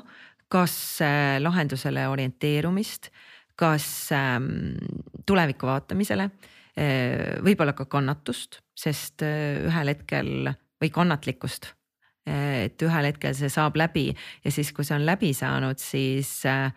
siis ma näen alles tegelikult selle olukorra vilju et ma ei tea, kuidas veel praktilisemaks seda, seda mõelda, et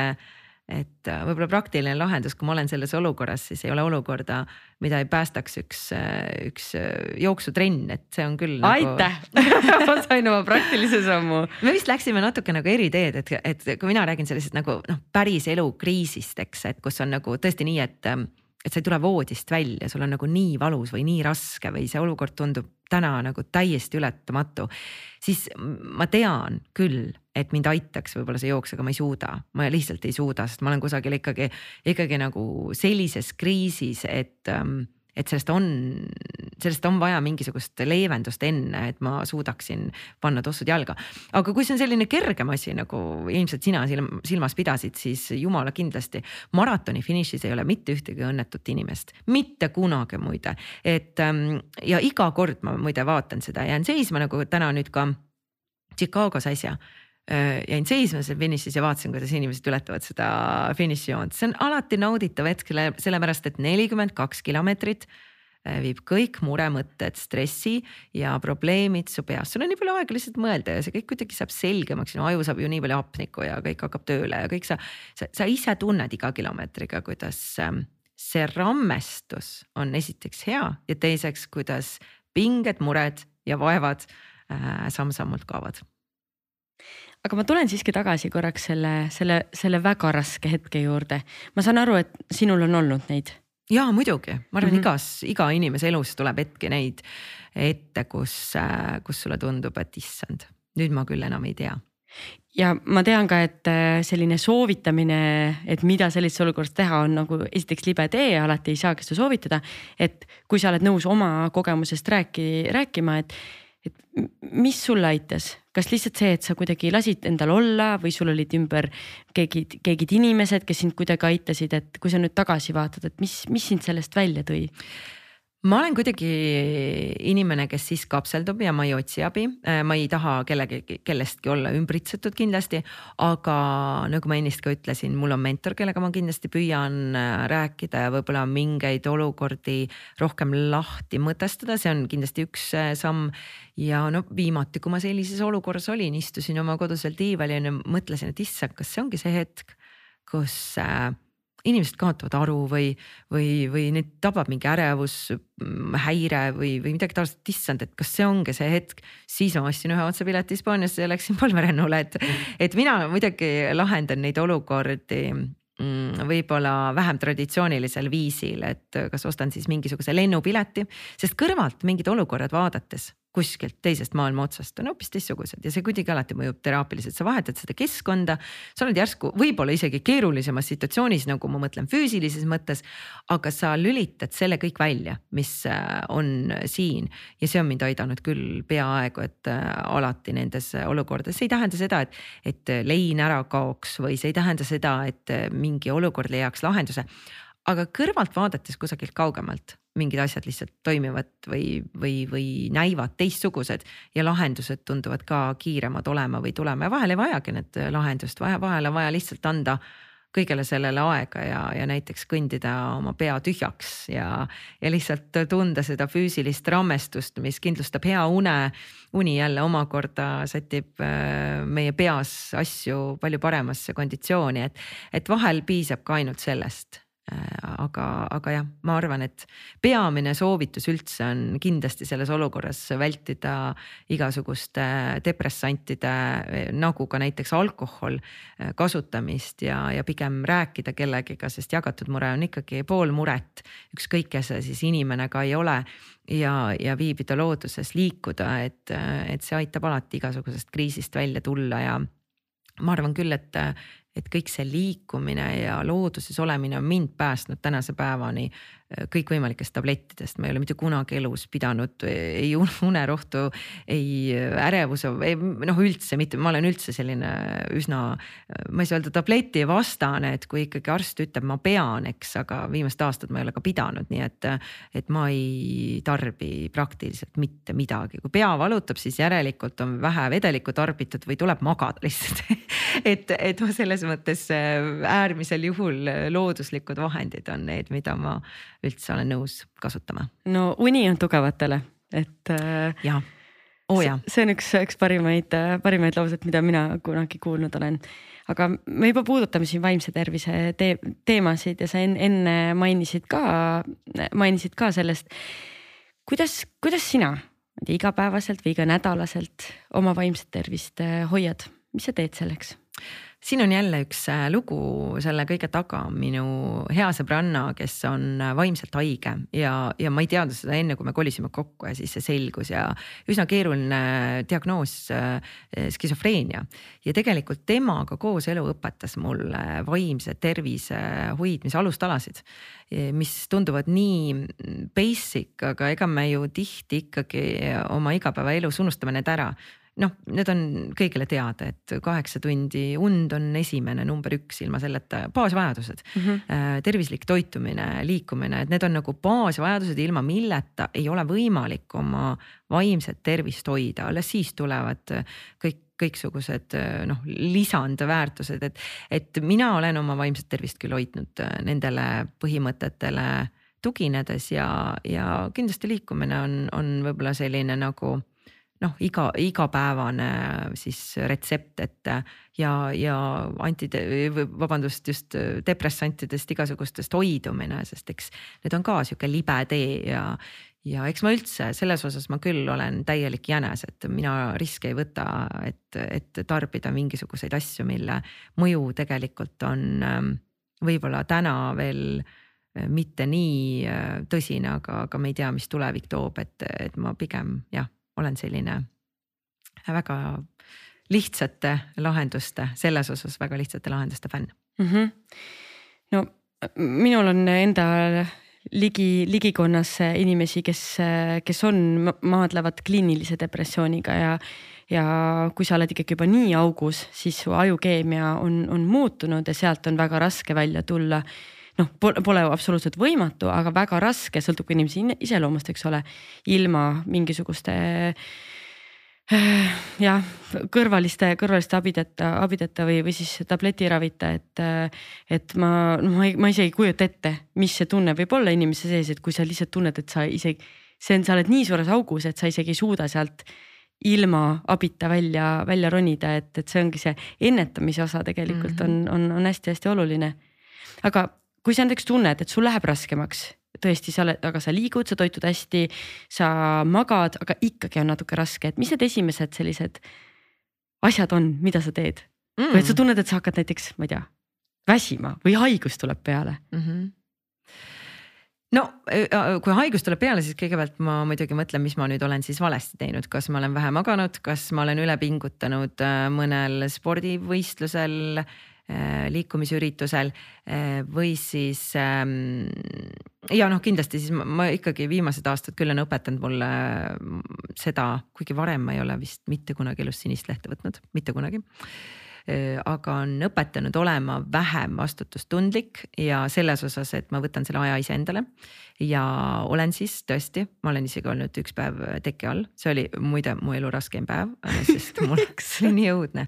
ma mõtlesin, ma päriselt mõtlesin, et kuidas inimesed seda teevad, nagu see, see päev tundus minu jaoks lihtsalt nii mõttetu nagu. ja ma esimest korda elus kasutasin, vaatasin Netflixi nagu ja siis ma mõtlesin wow., okei okay,, need olid põnevad filmid, ma vaatasin kassidest, mida teadlased täna on teada saanud saanud, see kõik oli huvitav, aga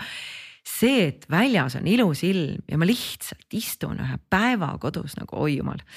nii et äh, ma püüan nüüd olla täiesti terve ja, ja noh, siin on ka muidugi talisupluse osa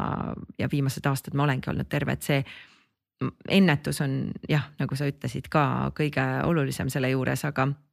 aga kui need olukorrad äh, tulevad peale, siis ega mis siin ikkagi väga lihtsad vahendid on ju, et äh, igasugust immuunsust tugevdavat ähm, Äh, vahendit ja teed hästi palju, veel tervislikum toitumine, mul on igasugused ingverimöksid, mida ma endale siis teen, mis on lihtsalt nagu need Oho, tabavad, need tabavad kõiki ära. palun, palun retsepti. no mu lemmik on näiteks, äh, ma riivin ära siis kange toore ingveri ja siis äh, segan sinna juurde mm, kreipi. aga nii, et ikkagi ainus see puhas, ainult see nii-öelda see viljaliha ja siis ähm, veel panen ka natukene mett, sest, sest muidu ei oleks seda võimalik saada, see on nii kange, et see võtab une ka ära, et, et see on tõesti selline nagu ma ütleks erguti lausa. ja kui on mingid sellised aastaajad, kus ma juba näen, et noh, võib-olla on natuke kiirem ka, siis ma teen profülaktikaks seitse päeva järjest näiteks või. kuidas juhtub, eks ma vahel unustan ära ka, ega ma nüüd nii eeskujulik inimene ei ole, nagu siin kõlab, aga, aga vähemasti ma püüan. ja, ja need aitavad kindlasti sellest olukorrast äh, välja tulla ja ja kuidagi tervist tagasi tuua. sa näitasid, et sul oli enne kotis ka üks asi. Ah ja see oli Karmolis mina ei olnud sellest mitte kunagi, ma tean, mis bränd see on ja, ja ma tean, et nad teevad mingisugust asju, ma olen neid pomme söönud, vaata aga et see on mingisugune tinktuur, mida sa paned ja. vee sisse. ma panen kuuma vee sisse ja, ja see on hästi hea igasugustele noh, hääle hoidmisele näiteks, eks ole, ja, ja hingamisteedele ja praegu ka siin noh, mina olen pääsenud koroonast ja kõigest sellest, aga no ma arvan, et see ei ole nüüd ainus põhjus, eks, aga, aga kindlasti see aitab tugevdada kogu seda, seda just äh, kurk ja nina ja, ja, ja, ja ka hingamisteede tervist ja mulle maitseb ka see, nii et praegusel ajal ma tõesti joon pigem seda, kui noh, mingit äh, suhkrustatud jooki, eks ole, mis selgelt pigem tekitab meie kehas põletikku juurde, kui, kui vähendab seda, nii et ähm, ja selliseid no, asju. ma käinud täna apteegist läbi, ostnud selle, sest mina olen natuke tõbine olnud äh, viimastel, viimastel nädalatel, et et äh, jah, haige olla, ma olen ikka, noh elukaaslane öelnud, et ma ei taha olla enam haige, ma tahaks olla terve. aga mis mina tunnen, et mis mul ikkagi kõige rohkem mõjutab, on stress ja ma tean, et praegu on olnud natuke pingelisem aeg ja ongi olnud rohkem asju teha. et see on ikka meeletu, kuidas see kehale, kehale tegelikult mõjub stress on kindlasti Jah. kõige hullem, et äh, sellest ju kõik äh, jällegi algab, aga, aga eks sa, sa oled piisavalt äh, eneseteadlik inimene, et küllap sa tead, kuidas sellest olukorrast välja tulla. nojah, siin nohusena nagu jah, ütleme, et paranev, paranev haige praegu, et tagantjärgi ikka vaatad, mõtled nagu ai, oleks pidanud ikka seda tegema. aga talisuuplusest oled jäänud tead, kõrvale? ma olen teinud, aga mul on sihuke jama, et mul on äh, kätes ja jalgades äh, kehv verevarustus ja ma, ma mingi paar aastat tagasi tegin ikkagi juul, juunist nagu novembri alguseni ja siis läks vesi nii külmaks, et ma, mu käed ei sulanud enam üles või et nagu sihuke tunne nagu külmusid ära ja ma lihtsalt ei julgenud enam, enam nagu minna, isegi kõik need kindad ja asjad olid jalas. ma ei tea. nii halba vabandust ei ole ma ammu kuulnud pluss ma nüüd elan sellises kohas, kus ei ole enam me merd lähedal. ei noh, selle hetke leiad sa alati, et äh, minna ja, ja mina muide olin ka väga halva äh, nii varvaste kui sõrmede verevarustusega ja ma just üks päev taipasin, et, et mul ei ole enam kindaid, sest ma olen ära unustanud kinnaste funktsiooni. sest äh, läbi selle ma olengi saanud äh, paremaks ja verevarustus on muutunud paremaks, et et ma arvan, talisuplusel on ikkagi nii hea efekt ja, ja mõjus, et see vabandust praegu küll ei pädenud. ei, ei, ei uju siit välja. oota, aga kui tihti sa teed seda? No esimesel hooajal, kui ma alustasin äh, kusagil seal novembrist ja sain aru, et see on ikkagi noh, tohutu eneseületus ja, ja mina olen nii külmakartlik ja valasse kohta sündinud ja nii edasi, siis ma võtsin eesmärgiks seitsekümmend päeva järjest teha. ja ma tegin, kuni siis ees ootas Keenia reis ja siis ähm, mul äh, lihtsalt ei olnud võimalik käia enam, aga ja, ja edasi tegin seal võib-olla sellise noh, viis korda nädalas. eelmine aasta ma käisin võib-olla harvem, kolm kuni neli korda nädalas vahel ka harvem aga noh, mida rohkem käia, seda mugavam see lõppkokkuvõttes on, et see on jällegi nagu ja, ja, ja just see mm, rutiin on tähtis seal, mitte siis see, kui kaua ma vees olen. Äh, ja sellel hooajal ma olen niimoodi vaikselt alustanud, isegi Ameerikas Michigani järves käisin pärast maratoni, kohalikud vaatasid, et täitsa, täitsa raju, mis hullus, kutsusin kohalikke eestlasi ka, et kuulge, no me saame siin teha talisuplust, tulge nüüd. ja kõigile see mõte meeldis, aga keegi lõpuks ikkagi ei tulnud, nii et mm., et aga ja see on, ma arvan, et olnud üks kõige imelisema mõjuga vahendeid, et äh, hoidmaks oma füüsilist tervist, aga ka vaimset. sest äh, noh, see, see dopamiin, mis, mis kohe maid tekib äh, vees olles ja see erksus ja adrenaliin, et need on täitsa sellised kohe igapäevased ergutid, et vahel ma mõtlen, et issand, kuidas ma ei viitsi, miks ma leppisin kokku, ma ei viitsi minna. ja jälle tulen sealt tagasi ja mõtlen, issand, kui tore, et ma käisin. aga kus sa käid? Mul on kohe kodu lähedal äh, kalarand värskelt nüüd avatud, muidu käisin linnahalli taga või siis äh, Noblessneris, et kõik on sellised jalutustee äh, kaugusel ja see on kõige parem võtta hommikune kohvi. no kas päikesetõusu ajal või natuke pärast seda. jalutada mm, sinna randa, käia vees ära, kuivatada ennast rahulikult ära, võtta jälle see veel kuum kohvi ja jalutada koju ja su päev lihtsalt nagu see, see peab algama imeliste toonidega või muidugi nädalavahetuse Rabajärves käigud, no seal, seal on selline omamoodi lummus, et see, see on, need on need meelispaigad, kus äh, mulle meeldib käia lo loodusega olemas, et, et need ma, neid võimalusi jätan ma ka kunagi kasutamata. no ka trennivärki trennivärgi võimalusi ei jäta sa, mulle tundub kasutamata. räägime natuke spordist, muidugi me enne rääkisime ka, aga, aga võib-olla natuke, natuke süvitsi rohkem, et kuidas sinu treeningkava üldiselt välja näeb, et mis trenne sa teed? see sõltub jälle, mis mul on äh, ette võetud, eks, et äh, kui siin hiljaaegu Ironmaniks treenisin, siis äh, see oli, ma arvan, kõige tihedama treeningkavaga aeg mu elus, see kaks kuud, mis ma treenisin, et peaaegu iga päev tegin trenni ja, ja noh, erinevad, eks ole, et viis korda nädalas oli siis enamasti ujumine, siis äh, paar-kolm korda nädalas oli rattasõit ja siis paar korda jooksin ka. Äh, see oli täitsa hullumeelne aeg, aga tagantjärele ma mäletan, et see kaks kuud ei olnud mul vist ühtegi halba tujupäeva, sest, sest kogu aeg olid äh, laetud heast äh, emotsioonist ja, ja energiast tänu sellele tohutule liikumisele. lisaks oli kindlustatud kogu aeg ju äh, sügav uni ja, ja piisavalt pikk ka, sest sa oled lihtsalt nii väsinud ähm,. aga igapäevaelus see sõltub jah, et mis mul nii-öelda eesmärgiks on, et täna just olles tulnud ähm, Chicago maratonilt, siis väga harva, kui mul ei ole veel ette book itud mingisugust järjekordset nii-öelda äh, challenge'it, aga, aga ilmselt üks maraton jälle siia talve tasuks võtta. ma just mõtlen selle peale, et ähm, pimedad sügisõhtud ja vihma sajab ja ma ei viitsi minna. no ma ei, ma tõesti ei viitsi minna ju jooksma, ammugi veel mitte, et, et aga siis oleks motivatsioon, et äh, peaks ikkagi treenima talv läbi ja,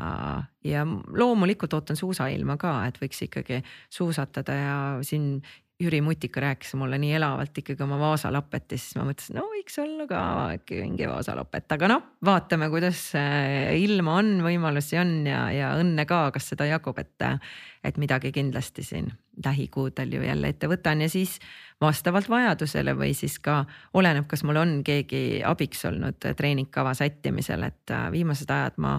teen lihtsalt nii, nagu mulle endale meeldib, ehk et äh, nii nagu võimalust on ja nii nagu endale meeldib, aga see muidugi toob vahel ka selle äh, kaasa, et istun kodus ja mõtlen, et äh, kui ma olen iseenda treener, eks, et ei, täna küll ma ei peaks minema. Ja päris tihti ma leian nagu ja ma suudan iseendale, ma olen väga hea manipulaator, iseenda manipulaator, kui kiiresti ma suudan endale maha müüa selle, et täna peaks kindlasti olema puhkepäev, sellepärast et ja neid põhjuseid on nii palju, et ma ei lähe, eks ole et kui on kellegi teise tehtud kava, siis ma olen ikkagi suhteliselt pedantlik seda jälgima veits piinlik on ka, kui treener vaatab ja siis on nagu mingi mitu trenni järjest on. ai, ma ei lasegi seda, ma olen väga kohusetundlik mm, -hmm. ma mhm. tean, et see viib mind ikkagi edukalt läbi ja, ja kui spetsialist on nii öelnud, siis ma ikkagi väga palju kuulan äh, tõesti nii arste kui, kui füsioterapeute kui kõiki oma ala spetsialiste ja ma püüan teha kõik nii, et see oleks minu tervise heaks ja kasuks, sest ega mis siin salata, aina enam ma näen ikkagi ka nendel samadel maratonidel ja triatlonidel üldse meil on kuidagi eestlased, kes üldse ei liigu ja siis on need hullud, eks ole ma ei tea, kuhu sina kuulud ka sinna hullude sekka või. ma olen ikka seal vahepeal. ahah, sa oled väga hea, neid ei ole väga palju, muidu sa oled selline väljasuremise ohus liik aga seal on see üks osa, kes ma näen, ma käin nendega kuskil, satun treeninglaagrisse või kuskile mingi treeningusse, siis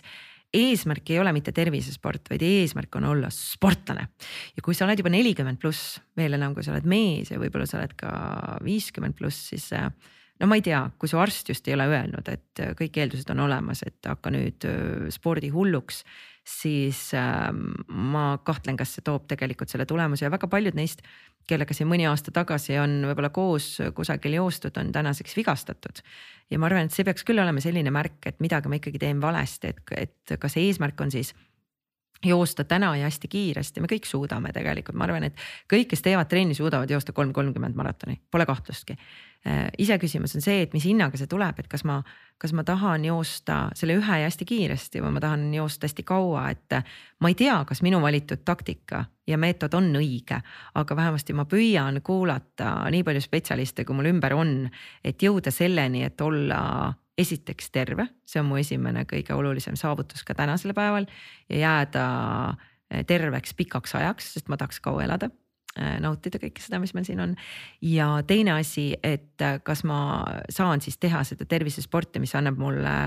tugeva vaimse tervise ja, ja kinnistab veelgi ka head vaimset, vabandust, just füüsilist tervist, et et ma saaks seda kaua teha, sest see, kui ma teen täna ühe maratoni ära ja siis mulle öeldakse, et rohkem sa joosta ei tohi, siis äh, ma mõtleks küll, et issand, mis nüüd siis nagu järgmiseks, kas ülekaal või kas noh, et mis siis nagu ja, ja noh, muidugi see teine kontingent inimestest, kes on jällegi üldse mitte sportlikud, nendel kuidagi mulle tundub, et kõlab see arvamus, et issand, see sport ongi ainult enesetapp, eks, aga, aga samal ülekaal on ka enesetapp ja ülekaalust tulenevad haigused on enesetapp, et see on kuidagi jällegi see tundub meile normaalne, kui inimene on ebasportlik ja ebatervislik ja, ja ülekaalus, see on normaalne. aga kui keegi teeb äh, maratoni, siis see tundub kohe automaatselt, et põlved lähevad läbi, mõnel lähevadki kindlasti, aga, aga mitte kõigil, et. et eks see kuldse kesktee leidmine on raske ja, ja ei salga, et vahel mõtlen isegi, et noh, kas sada kilomeetrit Haanja tõuse nüüd joosta noh, ilmselt see ikkagi ei ole enam väga tervise heaks, samas haigeks ma ei jäänud, ühtegi vigastust mul pärast seda pole, et võib-olla ikkagi oli ka baas õige eks siin ka peab olema õnne lõppude lõpuks, aga ma ise tunnen kõige selle juures ennast mitte ainult tervena, vaid ka väga õnnelikuna, et ähm, ma arvan siis, et on läinud õnneks ja hästi ja see valitud teekond kannab mind edasi. ja no eks üks asi on need lihased, kõik, mis meil on, meil on siin on ju, aga see mõistuse lihas on ikkagi ka väga-väga oluline, seda on ka tarvis treenida, sest et kui sa ikkagi teed haanja sadat.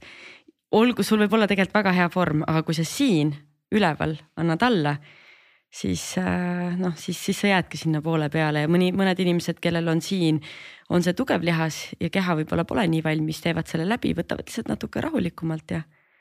jah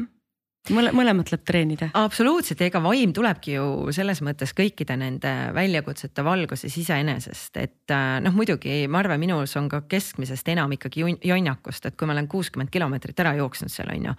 ja jalad äh, poris ja, ja nutt on peal, siis ma mõtlen, et noh, täitsa tobe oleks nüüd nagu jätta, sest nelikümmend on juba vähem, kui see kuuskümmend oli, on ju.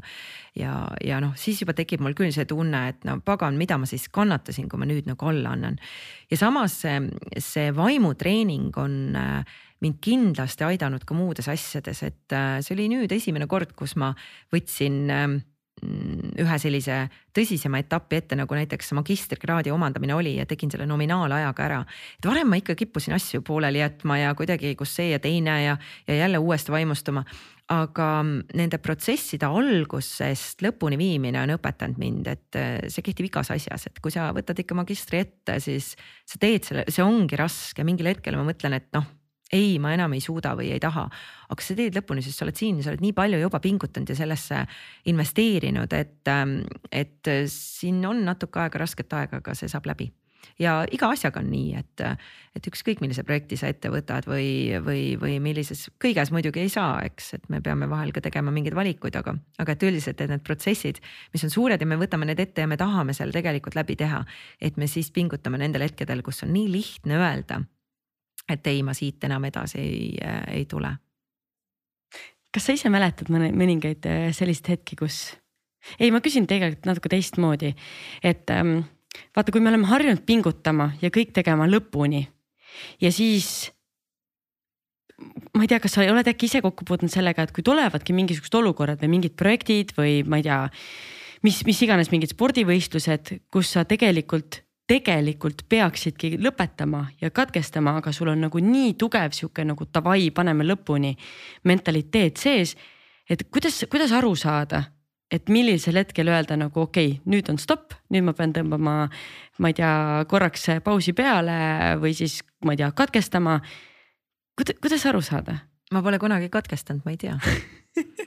ei ausalt, ma mõtlen, ma mäletan seda hetke. aga tegime... tööga või tööasjadega või eraelus või et, et et millisel hetkel sa saad aru, et on nagu okei okay,, nüüd on see stopp mm.? aga sa võid rääkida ka sellest. see on väga keeruline selles mõttes, et kui ma ikkagi tavaliselt, kui ma võtan neid asju, isegi kui ma võtan mitu asja, siis ma ikkagi püüan hästi läbi mõelda, kas ma tahan seda teha ja ma muidugi olen põrgulikult kirglik inimene, eks, et ma pingutangi asjadega üle ja, ja see kirglikkus on ka veel selline noh, igal positsioonil ma tahan olla ju maksimalist ja idealist ja ja, ja teha kogu hingega, et, et ma pingutangi mingitel hetkedel selgelt üle, aga ma olen jälle halb loobuja ka, sest ma olen ju selle valiku teinud sellepärast, et mulle väga meeldis seda teha. ja võib-olla see maht selgub küll hiljem ja ööpäevas on öö, põrgulikult vähe tunde aga ma olen halb loobuja ikkagi ja ma just, mis mul tuli nagu spordivõistlustelt meelde, oli Taliharja Vanakuri eelmisel aastal, kui ma läksin metsa matkama ja see oli sada üks, aga mina siis kõndisin sada kuus, sest ma eksisin ära mitu korda. ja ma mäletan, kuidas ma ütlesin sõbrannale, et see on lihtsalt, see on lihtsalt üks matk, et kuule, igaüks suudab matkata, mis asja, et nagu võta saapad ja lähme. tema ikka luges selle võistluse juhendi ka läbi ja seal oli kirjas, et see on ikka risk eluga ja kas sa võtsid ikka kaasa selle termokile ja, ja GPS ja mul oli nii, et see on lihtsalt väike matk metsas ja kui ma olin neljakümne viiendaks kilomeetriks täielikus energiadefitsiidis ja sain aru, et sinna toidupunktini on ikka veel nii palju minna ja ma ei võtnud sööki kaasa, ma ei võtnud ka kuuma teed muidugi ma ei võtnud termokile, milleks seda vaja on. ja siis ma mõtlesin, et ähm, kus jookseb see piir, kus ma tegelikult täna juba nagu riskin oma tervisega, et äkki ma peaksin äh, katkestama. ja kui ma jõudsin toidupunktini ja sain äh, kõhu ikkagi korralikult täis süüa ja sooja jälle sisse, siis mulle tundus juba nii, et okei okay,, võib-olla see ei ole lootusetu, et ma laenan siis sõbranna selle termokile, temal oli see kaasas ikkagi. et noh, äkki ikkagi ma vean välja see läks aina iga kümne kilomeetriga läks raskemaks, aga kui kaheksakümnendal kilomeetril ütles sõbranna ja meie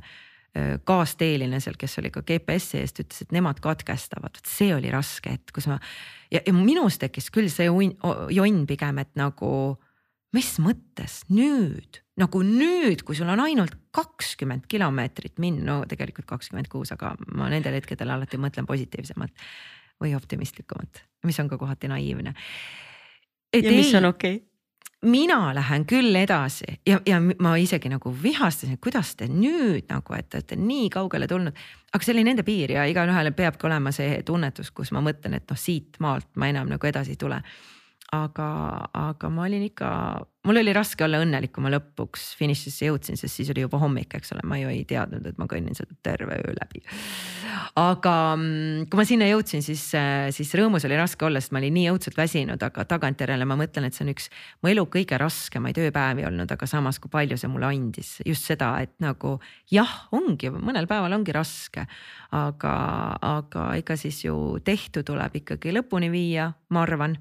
ja, ja kui vähegi on võimalik ja kui see kasu või see vajalikkus kaalub ikkagi selle vaeva üle, siis, siis pigem jah. aga noh, olukorrad ja päevad on muidugi erinevad, et see sõltub ju ka, mis kõik on käsil, kui palju on ikkagi ette võetud. Kertu Jukum, mis Kreisi väljakutse sul järgmiseks enda jaoks plaanitud on? see on äh, hea küsimus, äkki me mõtleme siin selle koha peal välja. Sest... Nonii, kas sul on valikuid, kas on valikuid? No Expedition Estonia jäi mul sellel aastal tegemata. mis see on? see on see kõige hullem spordivõistlus, ma olen kuulnud, mis Eestimaal üldse võimalik on, see on umbes kakssada kolmkümmend kilomeetrit, kui ma õigesti mäletan. üheksakümmend oli rattaga kuskil metsas porises ja siis oli kanuuga hästi palju ja siis oli veel, ma ei tea, kas kuuskümmend kilomeetrit oli, oli kõndi või jooksu või matka ja see kestab ka siis, see ei kesta mitte ööpäev, see kestab ähm, kokku siis oleneb, kui kiire oled, aga kaks ööd ja, ja siis no poolteist päeva umbes. aga sa ei maga seal vahepeal? no seal pidi olema nii, et äh, kui kanuus korra saad silma kinni, siis noh, võib-olla saad, aga mitte sellist nagu magamist, magamist, nagu sa ilmselt silmas pead, seda mitte. et noh, ütleme, see on nüüd küll selline olukord, kus ma mõtlen, et ähm, tervislik see kindlasti ei ole, ma siin räägin endale juba vastu, aga, aga teistpidi tulla toime sellise tohutu magamatuse ja stressiga, kui palju see õpetab, et, et ma arvan, ma kümme aastat tagasi olin hoopis teistsugune inimene stressiolukorras. ma olin kindlasti selline jonnivam, ma olin äh, palju halvem pingetaluja, ma kindlasti mingites kriisides äh, sain äh, halvemini või, või kas üldse sain hakkama. et siis täna ma mõtlen, et sellised olukorrad võiksid ikkagi õpetada meile seda, kuidas väga raskes olukorras eh, paremini toime tulla, et ehm, kuidas kriisiolukorras olla parem inimene, võib-olla ma ei tea, kas see peab olema eesmärk, aga, aga mulle tundub jah, et see võiks olla üks asi, see on suvel kunagi. aga ma ei tea, Maasalopet käisin läbi, kui on ilus talv, see on natuke jälle sõltuvus, õnne peab olema. -huh. Ja... Eva Esse rääkis oma kogemusest, et see oli lihtsalt nagu, ma lihtsalt tundsin talle nii kaasa aga noh, kogemus omaette, eks ole. ja, ja aga ja ei, ma ei teagi, mis oh,. me peaks Portlandiga sulle mingisuguse, mingisuguse challenge'i välja mõtlema. Everest on tegemata, aga ma tean, teil juba läks. ja, ja Everest, aga siis võib-olla ka mm, Jaapanis samurai tee, see võiks ka olla huvitav. mis see on? No seal on ka võimalik palve rennata, aga noh, kujutate Jaapanis on ju, kus mitte keegi inglise keelt ei räägi ja siis see samurai rada, ma arvan, et see on väga unikaalne, et see kindlasti võiks olla ka väga huvitav teekond, palverännak. unikaalne, no siis match ib sinuga väga hästi. Kuule, aga, aga nüüd on sihuke lugu, et meil siin aeg lendab. Äh, meil on fänniküsimused, nii ma vaatan kohe, siin on päris lahedad küsimused ja päris mitmest asjast me tegelikult oleme ka äh, juba rääkinud, aga Anette tahab teada suurim eneseületus ja siis on pandud niimoodi oh my god did I really do that? ma arvan, et seesama Tali, Tali Harja vanakuri oligi kindlasti üks hullematest ja sinna juurde Haanja sada nendel tõusudel jooks ei lähe mul mitte kunagi elus meelest ja see sada kilomeetrit ära joosta ei lähe mul ka mitte kuna ja noh, seal oli viis kraadi vihma sadas ka on ju. et need olud, et ja see nutt seal, issand, see ei lähe mul mitte kunagi meelest. sa lasidki niimoodi kõik välja ja nutsid? ei, ma ikka niimoodi kõva häälega nagu pikalt nagu jonnisin nagu, nagu et, et ma nii loll olen olnud, et ma tulin ja, ja see oli, see oli väga tagantjärele väga naljakas hetk siis mm, Triinu tahab teada, mida soovitad esimest korda Ironmanile või maratonile minejale? eneseusku. Vau, kust seda saab? millises poes seda müüakse?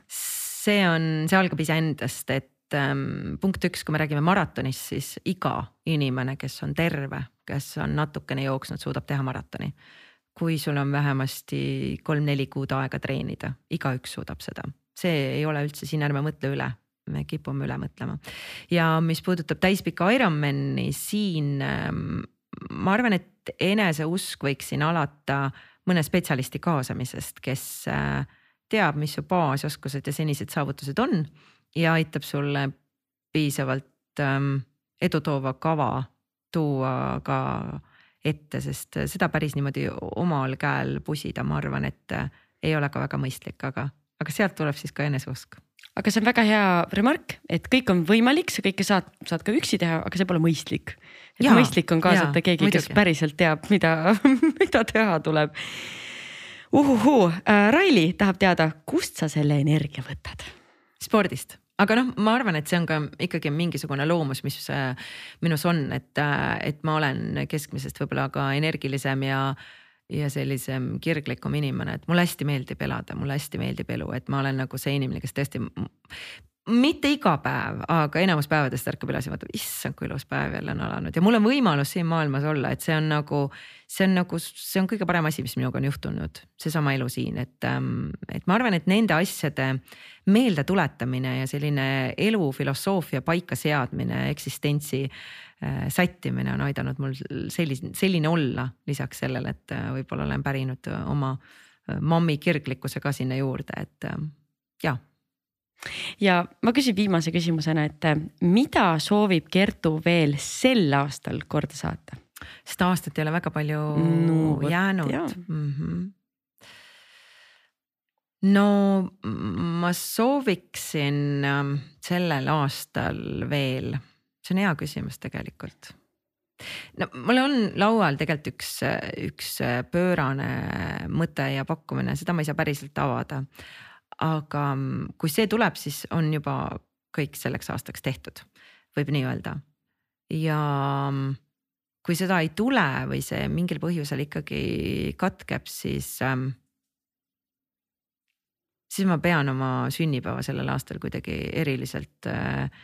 kreisil moel, sest minu meelest inimese sünnipäev on väga tähtis, nii nagu iga päev on tähtis, nii on ka ja. inimese sünnipäev äärmiselt, äärmiselt tähtis. sest et see on kõige olulisem päev sinu elus. no ja, ja seda tuleb tähistada, tead, viimased aastad on mulle õpetanud seda, et ükskõik, mis põhjuse sa leiad, siis tuleb oma sõbrad kokku kutsuda ja aega veeta või kasvõi pidutseda, et ähm, iga päev väärib tähistamist ja põhjuse leiab alati ja tulebki leida ja ma ei pea siin silmas mingisugust äh, tohutut alkoholi kaanimist ja, ja selles mõttes pidu, vaid ähm, sõpradega koos olemist. väga hea, panin selle märk, märke endale kohe kirja. ja me oleme jõudnud äh, meie viimase osani, soovituste nurgake. mul on sul kolm, kolm asja, mida, mida ma taha, mida ma tahaksin sinu käest ehk siis üks teos, mida iga inimene võiks tarbida, olgu see siis raamat või näidend, näitus, mingi muusikapala, mida iganes. kasvõi mitu ka? no absoluutselt, see on sinu saade mm. -hmm. no kui ma mõtlen nagu raamatute peale, siis muidugi neid on mul hästi palju ja see sõltuks jälle, mida inimene hetkel vajab või mis teda ajendab üldse lugema ja võib-olla vajadus on ikkagi peamine, aga nad keerasid ta Unts Oliver James, mis on väga hea selline eneseanalüüsi raamat, hästi keeruline lugeda. seda ma soovitan alati, aga kes vajaks lihtsalt sellist ähm, kiiret õnnetunnet, siis siin ja praegu kohaloleku jõud. tolle raamat on kindlasti üks neist väga kiiretest lahendustest, vähemalt minu kogemuse läbi küll mm,